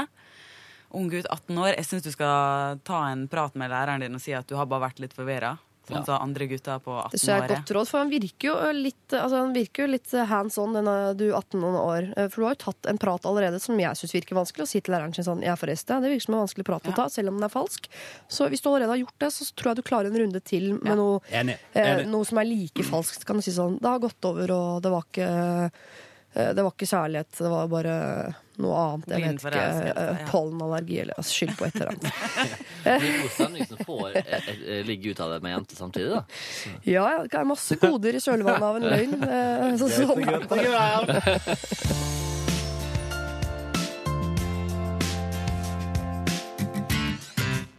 Jeg har vært forelsket, glad i den samme gutten i fire år, og jeg er ganske sikker på at det er gjensidig. Vi har vært sammen de to første av disse, men da med en avstand mellom oss som har variert fra seks timer i bil til seks timer med fly. Dette holdt vi ut da vi hele tiden siktet oss inn mot en framtid der vi skulle befinne oss på samme kant av landet, men da denne framtiden begynte å nærme seg nåtid, viste det seg å fortsatt ville bli en avstand på ca. 1-2 timer reisevei mellom oss. Og den avstanden klarte vi ikke å kutte ned, av min skolegang og hans arbeid og økonomiske forpliktelser i et oppussingsobjekt. Dermed gjorde vi det slutt, eh, da dette forholdet syntes å være på et flytte sammen eller la det hele være. Punkt. Eh, videre avstandsforhold ble for vanskelig for oss å takle. Men ingen har altså klart å glemme den andre, og nå har det vært fram og tilbake et halvannet år. Vi klarer rett og slett ikke å være sammen, men vi klarer heller ikke å være fra hverandre. Jeg har i de periodene vi har vært fra hverandre, inkludert nå, ikke hatt det så ille. Etter den første sorgen har lagt seg, så klarer jeg å kose meg med hverdagen, med singeltilværelsen. Jeg flørter, kliner, ligger med andre gutter. Og dersom jeg føler for det, eh, så bare nyter jeg oppmerksomheten og friheten. Men ingen av de guttene jeg møter, kommer opp mot denne mannen, verken personlig eller fysisk. Og når det kommer eh, fram i samtaler med eksen at han tenker minst like mye på meg som jeg tenker på han, ja, da blir jeg litt usikker. Burde vi, som har noe så bra mellom oss, kjempe litt hardere, ofre litt mer for å faktisk kunne være sammen? Spør jeg da dagens eh, rådgivere, som er Ronny Brede Aase, Hilde Marie Kjersem og Gaute Grøtta Grav. Ja. Ja, men altså, fuck it. Hallo! Hvis man eh, nå, nå kommer den good times, eh, biten av meg her, Ja. og, og sier bare altså, hvis de to eh, har Altså, hvis det fungerer så bra, hvis begge to er enige om at det fungerer så bra, så forstår jeg forstår ikke problemet. Altså, da, da ordner man det sånn at det går bra. Da, da pusser han opp det huset sitt som han driver på med, ferdig. Og hun studerer ferdig. Og så finner man en eller annen plass der man kan leve sammen, for jeg, og så prøver man det. For jeg mener jo at altså, hvis man er så heldig Nå prater jeg som singel. Er man så heldig at man finner en person som man har så altså, som, som, det liksom, som man er så sikker på at man fungerer bra sammen med, så må man nå Jeg hadde nå, jeg hadde nå flytta land og strand rundt for det. Jeg hadde, Ja, jobb litt for den kjærligheten. Ja, men altså, altså. ja, kutta jobben i P3 Morgen for å flytte dama i Nordfjordeid? Um, Ja, sant? Så her kommer realisten inn i bildet og ødelegger sfæren av ekte særlighet. Du vet, hva, det, det, et godt- altså, men, men, men da hadde man kanskje ikke altså, um, der, der hadde jeg kanskje hvis, Da hadde jeg spurt veldig pent om man kunne prøve å få til et eller annet der ei dame eventuelt på Nordfjordeid kanskje kunne se på muligheten for å kunne bo i Oslo. Og så kan hende hun hadde sagt sånn Ja, men jeg vil ikke bo i storbyen. Og så hadde jeg sagt sånn, ja, men ok, men kan vi kanskje finne et eller annet som gjør at jeg kan komme på jobb på 20 minutter, men likevel bo landlig? Og så kan man liksom Ski. Foreslår du ski?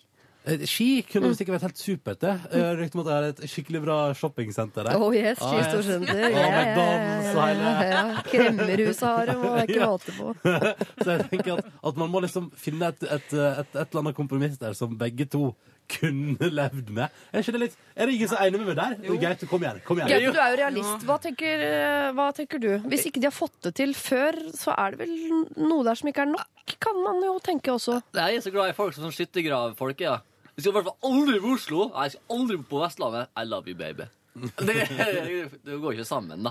Altså, det skal ikke være sånn Jeg elsker det, men jeg elsker ikke plassen du kommer fra. Det går ikke an å si sånne ting. Det, det, er premisset som er feil her. Men ja, jeg tenker litt sånn som det, Ronny. Og jenta er ferdig studere. Kom deg opp til Vestlandet, vær der i tre måneder, test det out. Og hvis du hater plassen så hardt, så kommer du til å hate han mannen ganske hardt etter hvert. For at du kommer ikke til å fikse For, han, for den plassen er tydeligvis en stor del av han, da. Samtidig tenker jeg at han har jo et oppussingsprosjekt der som han sikkert får solgt for nok penger til å kjøpe verdens fineste drømmehus hvor som helst i verden. Eller Hva går en eh, enebolig for i Førde, for eksempel? Det er, ikke, Du, liksom, det er ofte ikke nok til en pølsebu i Oslo sentrum Så jeg vet ikke helt. Nei, men det er, dette er ikke så enkelt, dette med sånn flytting og hvor skal jeg bo, hvor skal du bo. Veldig stort fokus på ego er det blant oss folk for tida. Ja. Så alltid hvordan skal jeg ha det best mulig i mitt liv, og da passer det ikke at de flytter til Vestlandet. Jeg vil ikke bo i Oslo. Nei vel, da får dere bare gjøre det slutt. Ja, Du mener at plassen da OK. Ja, men Plassen er en veldig viktig del av folk. Det har blitt, det har blitt en sånn herre Jeg kommer derfra, og da er det en del av meg.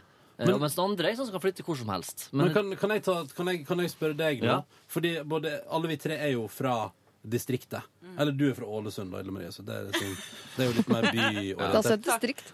Men fordi, fordi jeg har alltid tenkt sånn at nå bor jeg i Oslo pga. jobben, er fra Førde, har stor tilknytning til plassen jeg kommer fra, og, og, og har tenkt, men med et forbehold, da, at hvis jeg en gang møter ei dame som kunne tenke seg å starte familie i Førde, så er jeg åpen for det.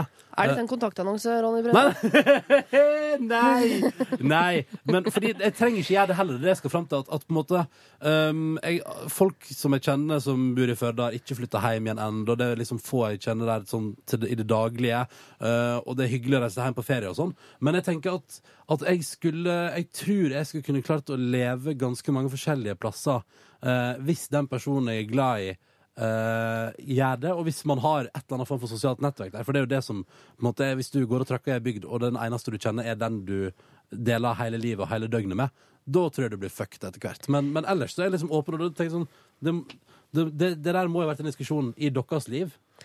Men er det ikke litt risikabelt? Hva tenker du, Hilde Marie? Fordi eh, de har jo aldri bodd sammen. Og man kjenner ikke et menneske før man har eh, sovnet og våknet med det ganske mange dager på rad.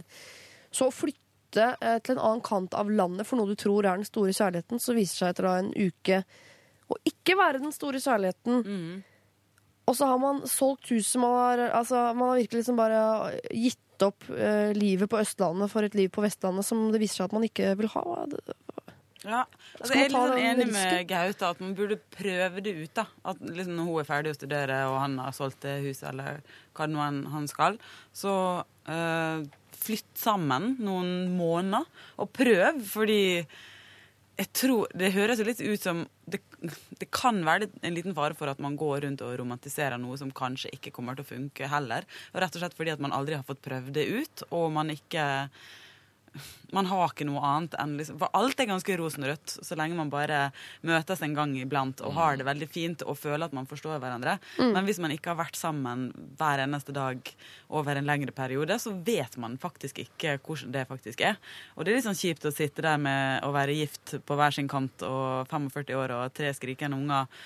Og fortsatt gå og dagdrømme om han kisen som eh, drev og bygde det huset, og hun dama som drev og studerte i en annen by. Bare prøv det ut, liksom, slik at dere, ikke vet, slik at dere vet at dere ikke Bli ferdig med det. blir ferdig med det. Men er det nok Ja. å prøve det ut på en ferie for, eksempel, for en Nei. uke sånn? Vi Nei, var en uke i Thailand, det var kjempekoselig. Er det en, en grunnmur? Du sier sånn Å, gir opp livet mitt i Oslo og flytter til Vestlandet. Ja, ja, ja. Du har ikke unger, du har ikke jobb, du har kanskje leie leilighet eller selg den, da. Wow, big deal. Stikk til Vestlandet, gå på en smell. Flytt tilbake, begynn på nytt. Eller begynn der du slapp. Ja, for, men man må prøve det. Ja, det må gjøre Ja, for det er ikke flaut å gå tilbake til null. mer på at du aldri prøvde det. Ja, det er så kult. Det da, bare dra på. Bare, jeg, skal, jeg fulgte kjærligheten Ja. og gikk på en smell. Eller det gikk kjempebra. Men det er jo ingenting som er kulere enn det å kunne snakke om det ti år etterpå. Jeg fulgte hjertet mitt så grusomt. Det er jo bare Jeg dro til dit, og der var jeg, og det gikk dårlig. Eller det gikk kjempebra. Tenk hvis det går bra, da. Ja. Åh, Tenk hvis det går bra. ja. Ja. Ja, for det, ja, men det, det, det, Jo, det, ja, det, men- det er jo det hun kommer til å tenke i all evighet hvis hun ikke prøver. Ja. Tenk hvis det hadde gått bra, da. Tenk om det, tenk, altså, fordi det der her liksom, sitter jeg nå på Nordstrand liksom, med han derre Thomas Gjertsen. Hvorfor sa jeg med han? Hvorfor drar du inn Thomas Gjertsen i dette her? Jeg kommer på det. Ingen duger, der, liksom. Hvis du drar inn Thomas Gjertsen, så drar jeg inn en sofa fra Ikea. Fordi altså, eh, det er jo, du vet, Hvis det er et eller annet du har sett som du har så utrolig lyst på, Ja. Da må du dra ut og så må du prøvesitte. For kanskje den er vond å sitte i. Du vet ikke, Da slipper du å tenke noe mer på det. Og Hvis den er så god å sitte i som du hadde trodd, så finner du de penga.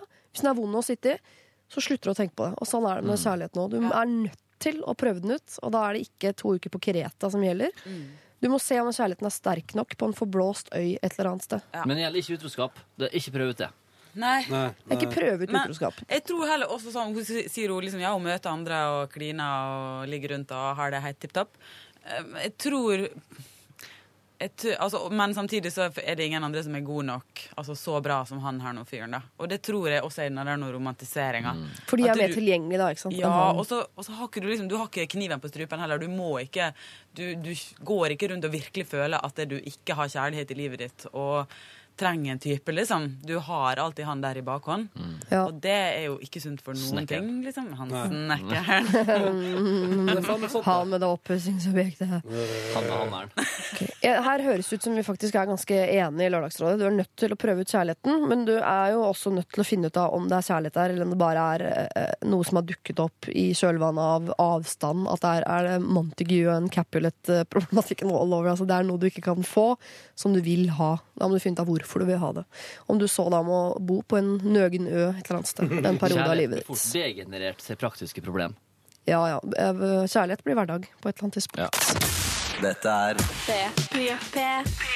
Dette er Jeg sitter her sammen med Ronny Brede Aase på en lørdag. Sjukt! Hilde, Hilde Marie Kjersem hele veien fra Ålesund. Hello, hello.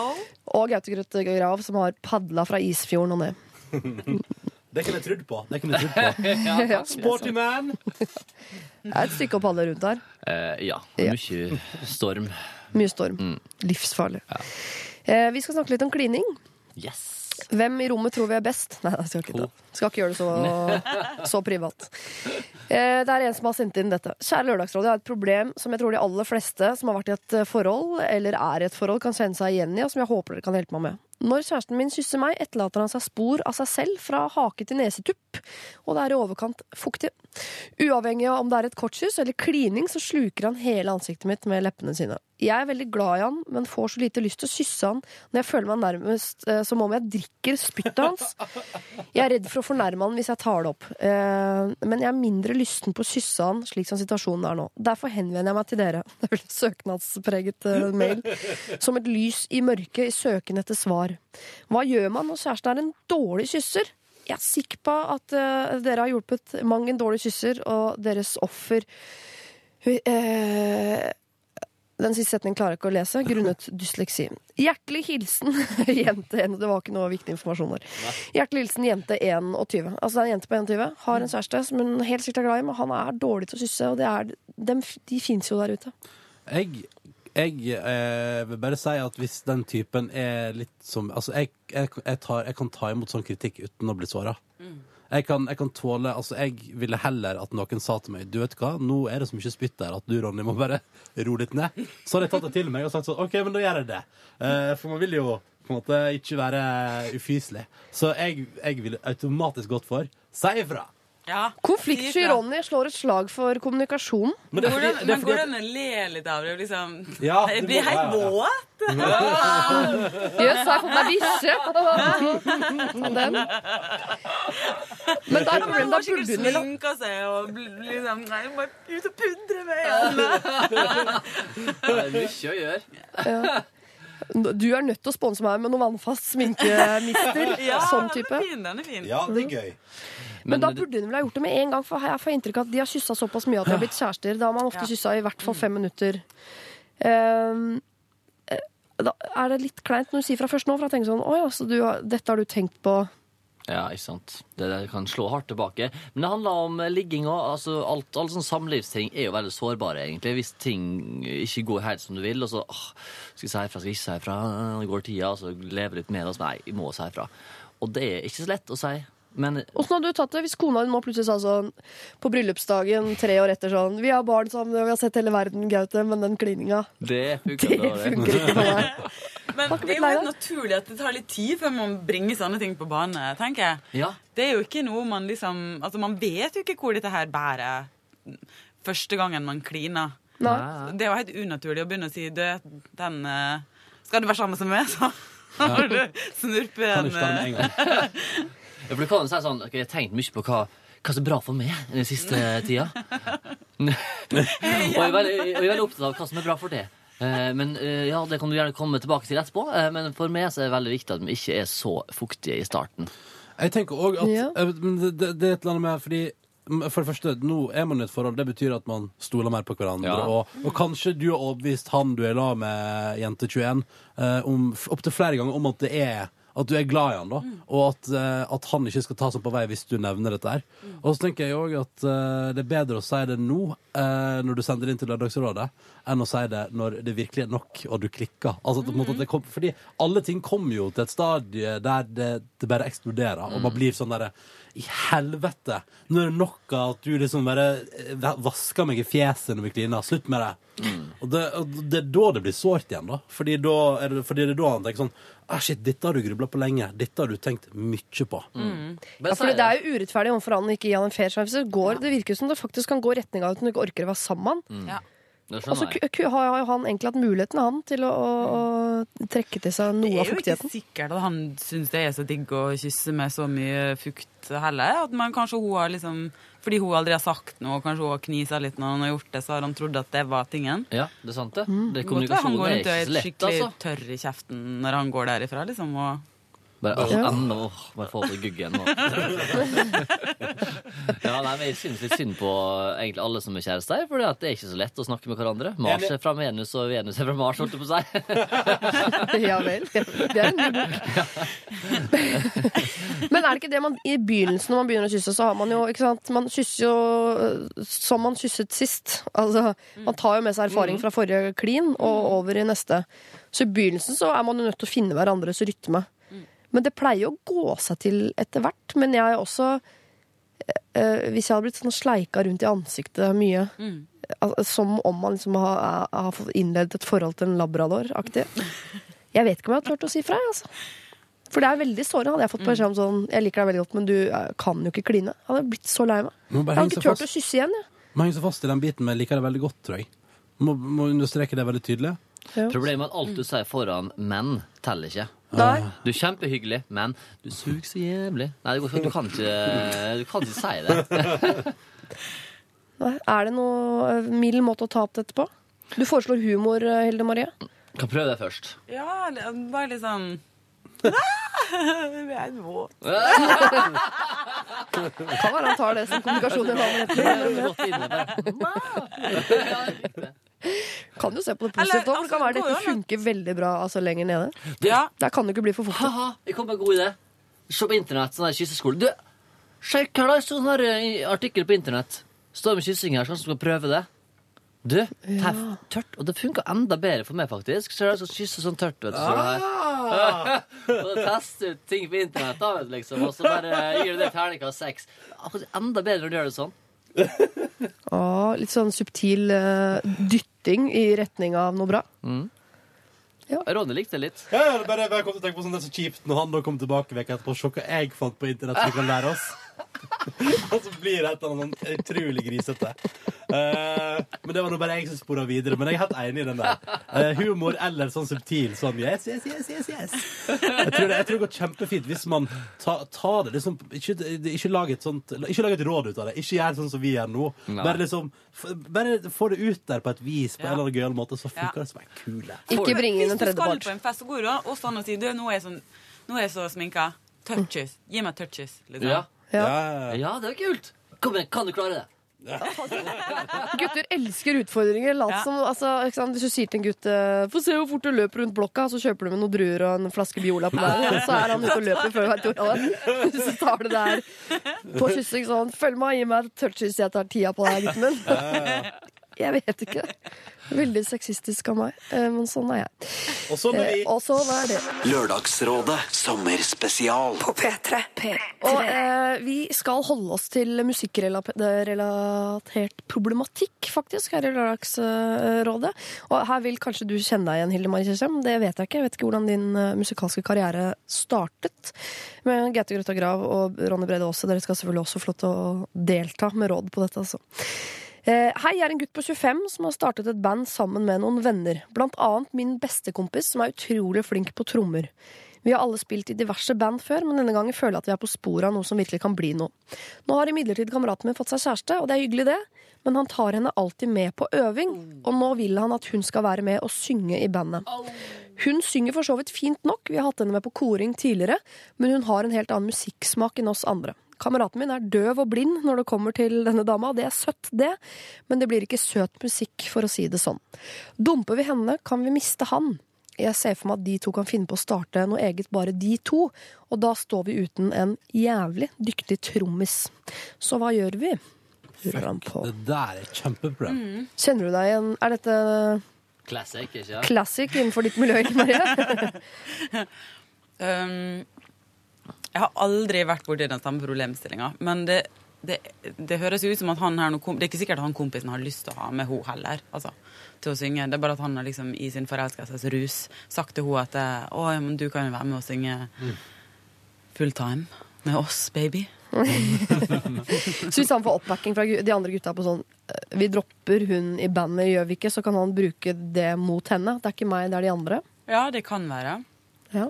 Så- Sånne ting er veldig vanskelig å vite. Da. Det kan godt være at det, det at hun har veldig annen musikksmak enn dem, kun, kan være en superkul eh, collab collaboration. Ja. Um, som han ikke klarer å tenke akkurat nå fordi at han er mest irritert fordi, at hun, fordi han føler at hun er med fordi hun er kjæresten hans. Um, og det er jo Det, det tida vil vise, tenker jeg. Det kan godt være at de mister han trommisen. Han og hun stikker av gårde og lever et liv i sus og dus som popstars. Starter Savoy. Starter Savoy. Eller eh, de fortsetter Altså, det dette her er egentlig litt sånn umulig problemstilling, syns jeg.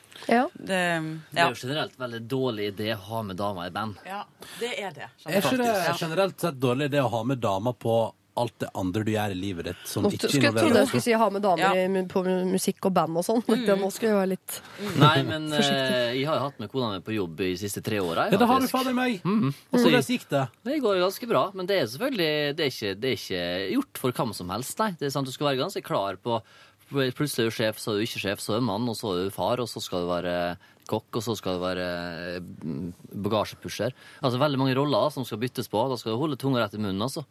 Så det, det er jo en kilde til trøbbel, tror jeg, og i band så er det veldig mye følelser involvert òg. Eh, når jeg gikk på den der Paul McCartney-skolen i England, så var det veldig sånn fokus på at eh, ikke ta med dama di inn i dette Var det her. eget valgfag på, på McCartney-skolen? Eh, du- Hvordan ikke ta med dama? Etikk, valgfag. Eh, nei. Ja, men du, det, det som er ofte greia der, da, var at ja, kjæresten og, kjæresten og mannen, da, dere kan drive med deres eget sideprosjekt. Men la oss to gutta lage ordentlig musikk her, da.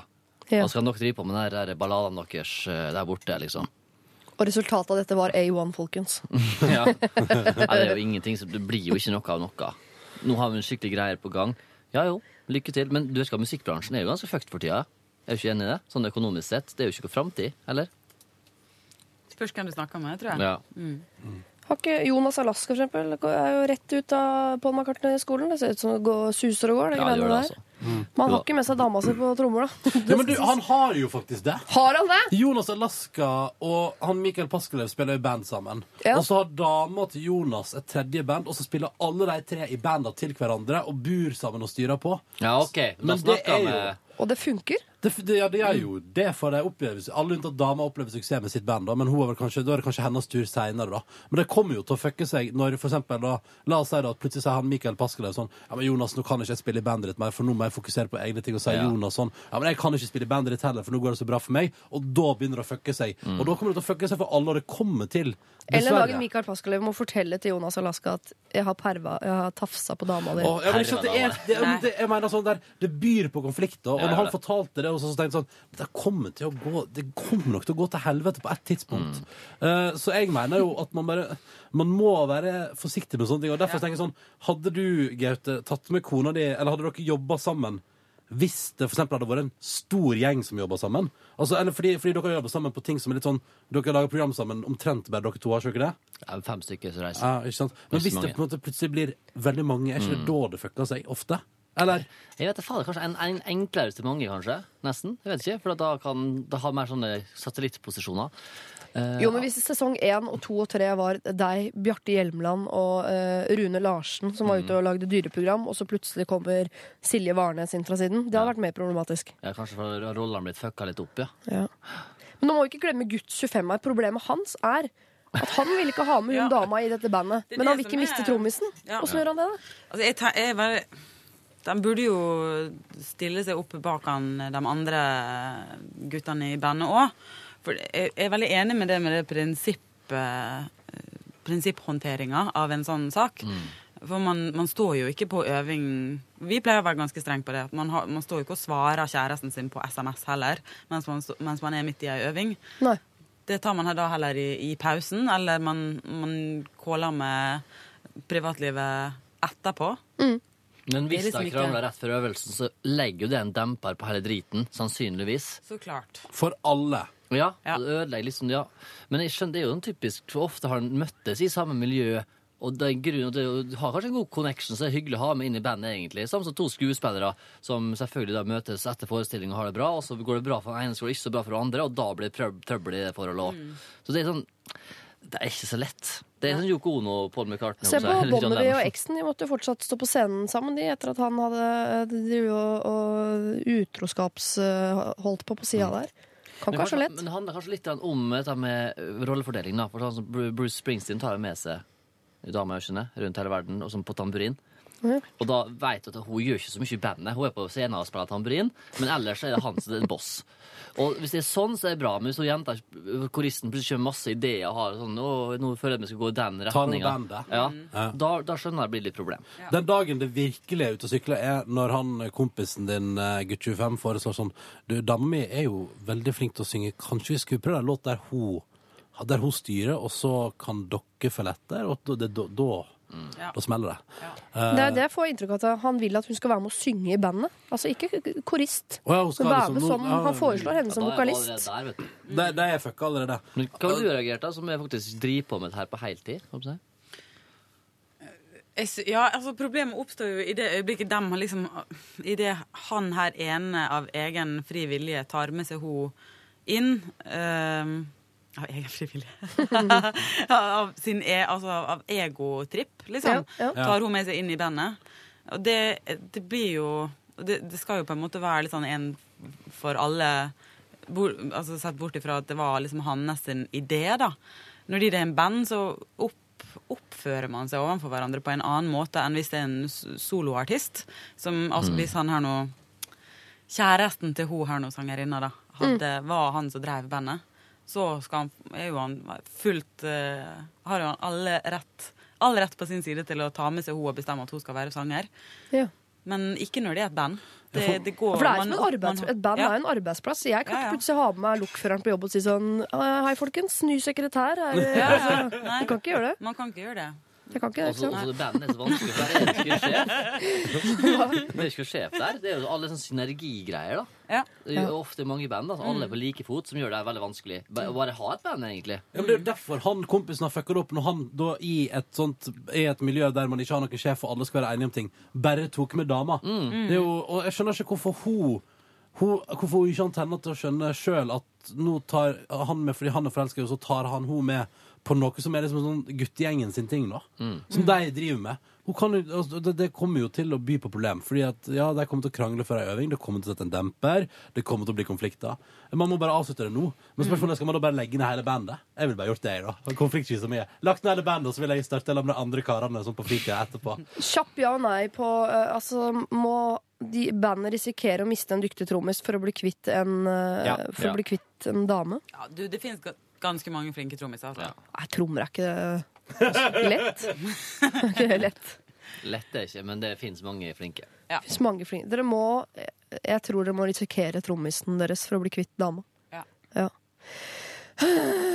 Vi går videre. Det er tung problematikk. Ja. Det er en ukjent verden for meg. Men det er så mye regler i den musikalske verden som jeg ikke kan. Dette er Dette er P3. Eh, vi skal ta et siste problem her i Lørdagsrådet. Gaute Grøtta Grav, Hilde Marie Kjersem og Ronny Brede Aase. Eh, som er nettdatingrelatert. Men eh, ja, jeg bare leser det, dere skjønner hva jeg mener. Hei, vi er en kompisgjeng som har kødda litt med en av gutta i gjengen. Han har vært singel en stund og har lagd en profil på nett. Det er null stress. Det er mange av oss som har det, og to av oss har faktisk fått seg, fått seg dame på denne siden.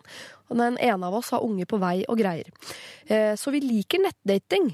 Men denne kompisen vår var veldig skeptisk og har sagt mye negativt om nettdating før. Eh, Og du kan vel si at vi mer eller mindre tvang han til å lage sin profil. Han sier han aldri er der inne, og at han ikke er en aktiv bruker. For å sjekke dette lagde vi en falsk profil på en jente vi tenkte var en sånn type jente han kunne komme til å like. Men at han skulle like henne så godt, det var vi ikke forberedt på. Nå snakker han med henne ustanselig. Alle gutta har tilgang til denne fake jenteprofilen, og de fleste av oss har chattet med han. Eh, og det er eh, nå sånn at vi nesten er kine på vår kompis, fordi han er så utrolig fin overfor denne liksom-jenta på nett. Men hva gjør vi nå? Han vil møte henne. Heldigvis har vi sagt at hun bor på den andre siden av landet, så vi har kunnet utsette det lenge, men nå har han tilbudt seg å ta fly bare for å møte henne. Hva er best for han? Skal jenta, som ikke fins, dumpe han på nett? Eller skal vi i kompisgjengen avsløre oss og dumpe han i den virkelige verden? Å, det der! Det, er litt, eh, det var pranken begynte som gikk eh, ja. i dass. Det begynte jo så vakkert, men det har blitt- så stygt, så stygt, dette her. Altså, Uansett hva som skjer, så kommer han til å bli skuffa.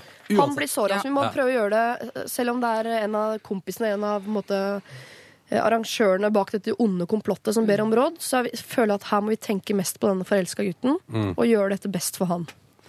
Ja, og jeg har et forslag Ja. til enkel og straight måte. Jeg, jeg, har ikke lest hele dialogen jeg har hatt med den jenta her, og fortid, framtid. Sikkert hatt mye fram og tilbake, dikta mye artig.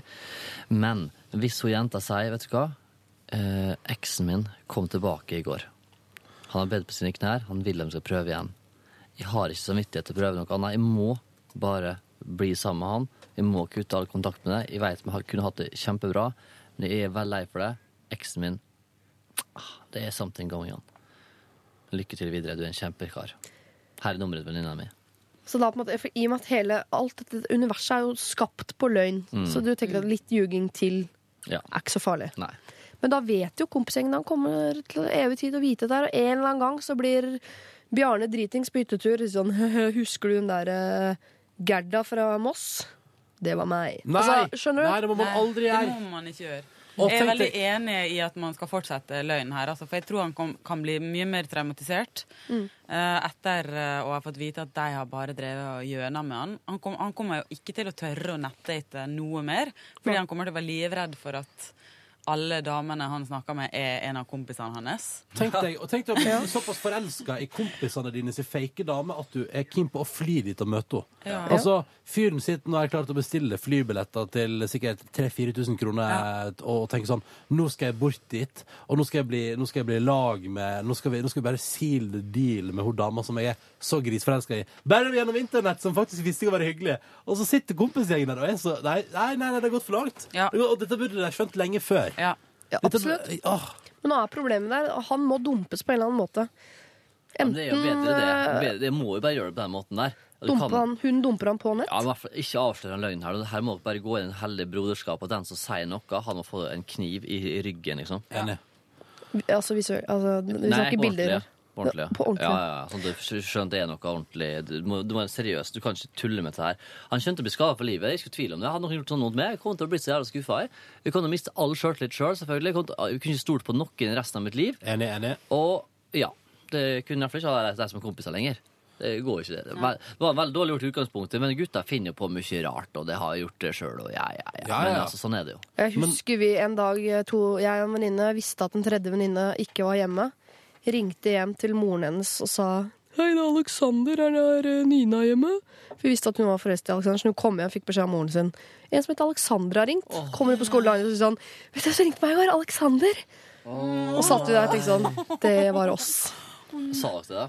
Jeg husker jeg bare eh, Ja, vi sa det. det. Ja, vi sa det. Oh, Hun hatet oss. Ja. Nei, og, det, hatet og det oss. når det ligger så lenge.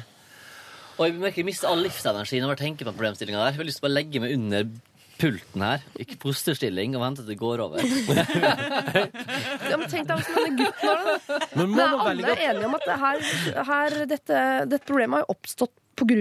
løgn, men vi skal fortsette å ljuge. Ja, ja. Jeg er litt sånn Jeg er ikke jeg, åh, Det der eksen kommer tilbake, er så fil, filmete. Det er, så, det er så on the movies. Eh, Det jeg, jeg skulle ønske det fantes en annen løsning, en annen løgn, da. Men, men jeg, jeg har ikke noe bedre. Og så er jeg samtidig sånn eh, Det burde være et eller annet som altså Fordi på et tidspunkt så kommer jo denne kompisen til å tenke sånn Hun der, la oss si at hun heter Hilde Marie Kjersheim, da. eh, på, på, på, på nettdatingtjenesten. Så kommer jo han på et tidspunkt til å prøve å finne igjen det navnet og se hvor det går, og skal oppsøke henne, komme tilbake. Eh, må jeg, altså, altså, altså, det, det kommer ikke til altså, det, Og han kommer til å tenke sånn på et tidspunkt tenker jeg sånn, det, det må være slutt med den eksen nå. Og så kommer man til å søke opp det navnet, og da er man jo fucked igjen, da. Ja, Forhåpentligvis er det et navn som ikke fins på internett. da. Men det håper jeg virkelig. Ja, og derfor å, har gått under jorda. Bytta navn. Kan de prøve å lede han i en annen retning, da? Hvis han liker henne veldig godt, så kan jo det også plutselig Men det er altså, slå helt feil vei. Liksom. At, at de finner egentlig the perfect match for han. Ja. Og så begynner han å date henne, men så går han fortsatt og tenker på Å henne. nei. Langt unna.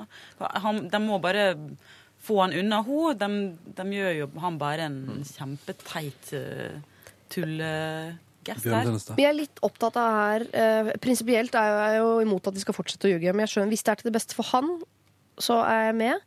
Men hvis de fortsetter å øh, ljuge for han for å gjøre det lettere for seg selv fordi de ikke vil bli hata Jeg tenker at De må tåle å bli hata litt. Det For de har de gjort noe som er verdt å hate litt grann for. Nei, er... Så hvis intensjonen deres for å fortsette å ljuge er øh, vi orker ikke at han skal bli sur på oss, så må de avsløre lønnen sin. Men hvis det er bare eh, godhet bak øh, videre ljuging, altså Mm. vi, vi tror han vil ha det best med å bli eh, ljugd for, så kan jeg godt bli med på den eh, hvis jeg legger bort all, øh, Og skal ikke alltid være så innmari eh, edruelig på sånn 'Å nei, man bekjenner mine synder alltid'. Nei, eh, har du gått på en smell, så fiks det, og så trenger du ikke å snakke om det så mye mer. Nei. Nå har de gjort en ting mot han som er ganske graverende stygg, altså, mot hans eh, syke. Sånn på damefronten. De, han legger jo fram at det, han i utgangspunktet var ganske skeptisk til dette her, og at de Mm. har tvunget han til å gjøre det, og så har de attpåtil liksom oppretta en profil for å liksom Sjekk at han faktisk er der. Våken. Det er ganske stygt gjort, altså. Ja, Fy skam dere, gutta. Lev med ja, det. lev med det, og fikse opp i det. La han gå herifra med hodet høyt heva. Mm. La han fortsatt føle at hun nidigger han, men at dette her ble for uh, Kanskje hun er lesbisk, altså. Eller kanskje, kanskje, han, kanskje hun er skikkelig drete, liksom. Eller Altså, bare la han gå derifra med hodet høyt heva ut av det Ja. Mm. og fiks han ei jævlig bra dame. Ja, ja, enig i det siste Dere der. skylder han en bra dame Ja. og et godt Mm. liv, rett og slett. Gi, gi, gi, gi en, en natt med hver av deres dame. Ja. Kjempeidé. Grete. Kjempeidé. Jeg, er- jeg er uenig i det der med at man skal si at liksom eksene kom tilbake, men ellers så er jeg enig i at eh, man må bare få Altså, hun dama må bare forsvinne ut av livet, men man, men hvis jeg savner den der, den tingen som heter at hun forsvinner ut av livet for godt. At, på en måte, at det er helt logisk for han at dette her kommer aldri til å skje igjen. Men hva kan Altså, jeg kommer ikke på hva det kan være. Jo, Kanskje hun skal avsløre seg som kødda jeg er en mann på Nei. 44 som er pervers og grusom. Jeg kan, av, avsløre at jeg skal. Sorry, jeg har brukt bilder av bestevenninna mi. Jeg er egentlig ikke sånn. Eh, jeg har bare spilt et spill. Jeg er jente, men jeg ser ikke sånn ut. Og ja, jeg Og da sa han ja, men la oss prøve likevel, sa han da. Nei. Hun, hun, må, hun må dumpe den. Hun må bli sammen med eksen igjen. Dessverre, Ronny. Jeg syns det verste er når eh, man har truffet en eller annen, og den man har truffet på dødeliv, skal treffe eksen igjen samtidig. Så Det, er, eh, det syns jeg er djevelens timing, det greiene der. Ja, men that's life. Men et brudd er et brudd. Det er alltid vondt, så kanskje Jeg bare håper at det ordner seg, da. At det liksom ordner seg Ja. litt sånn kjapt òg. Og så håper jeg at kompisene klarer å holde kjeft om at de har, har sittet og lata som de er drømmedama hans i evig tid. Men de må ikke si det til noen andre heller, sånn at hele bygda går rundt og veit, og alle veit. Og, herregud, nei. Herfra ut må de bare være greie og snille resten av livet. Ja, men alle som er på nettdating i Norge som hører på P- Lørdagsrådet, vil jo nå være livredd for at den de dater på nettet, er en mann. Ja. Eller kompisen sin. Det er litt dumt. Mm. Folk i den virkelige verden og kort og slett, er, Nå begynner jeg å bli usikker på om uh, lokføreren hjemme egentlig er uh, Nina som jeg gikk på ungdomsskolen med. Hvem vet? Jeg aner ikke. Her uh, Vi må vite hvordan dette går, Fordi Ja, nå har vi blitt så glad i en gutt vi ikke vet hvem er eller hva heter, og ønsker han alt godt i eh, livet, og at han finner kjærligheten i det hele tatt. Og til deg som sender inn, og gjengen din jeg, jeg har ikke så mye patos å dele ut akkurat til dere, men dere er bare nødt til å gjøre det som er riktig, uh, riktig her. Sånn at denne gutten vi har lært oss å bli glad i, uh, får det godt herfra ut og finner den store særligheten. Dette er Lørdagsrådet På P3. P3.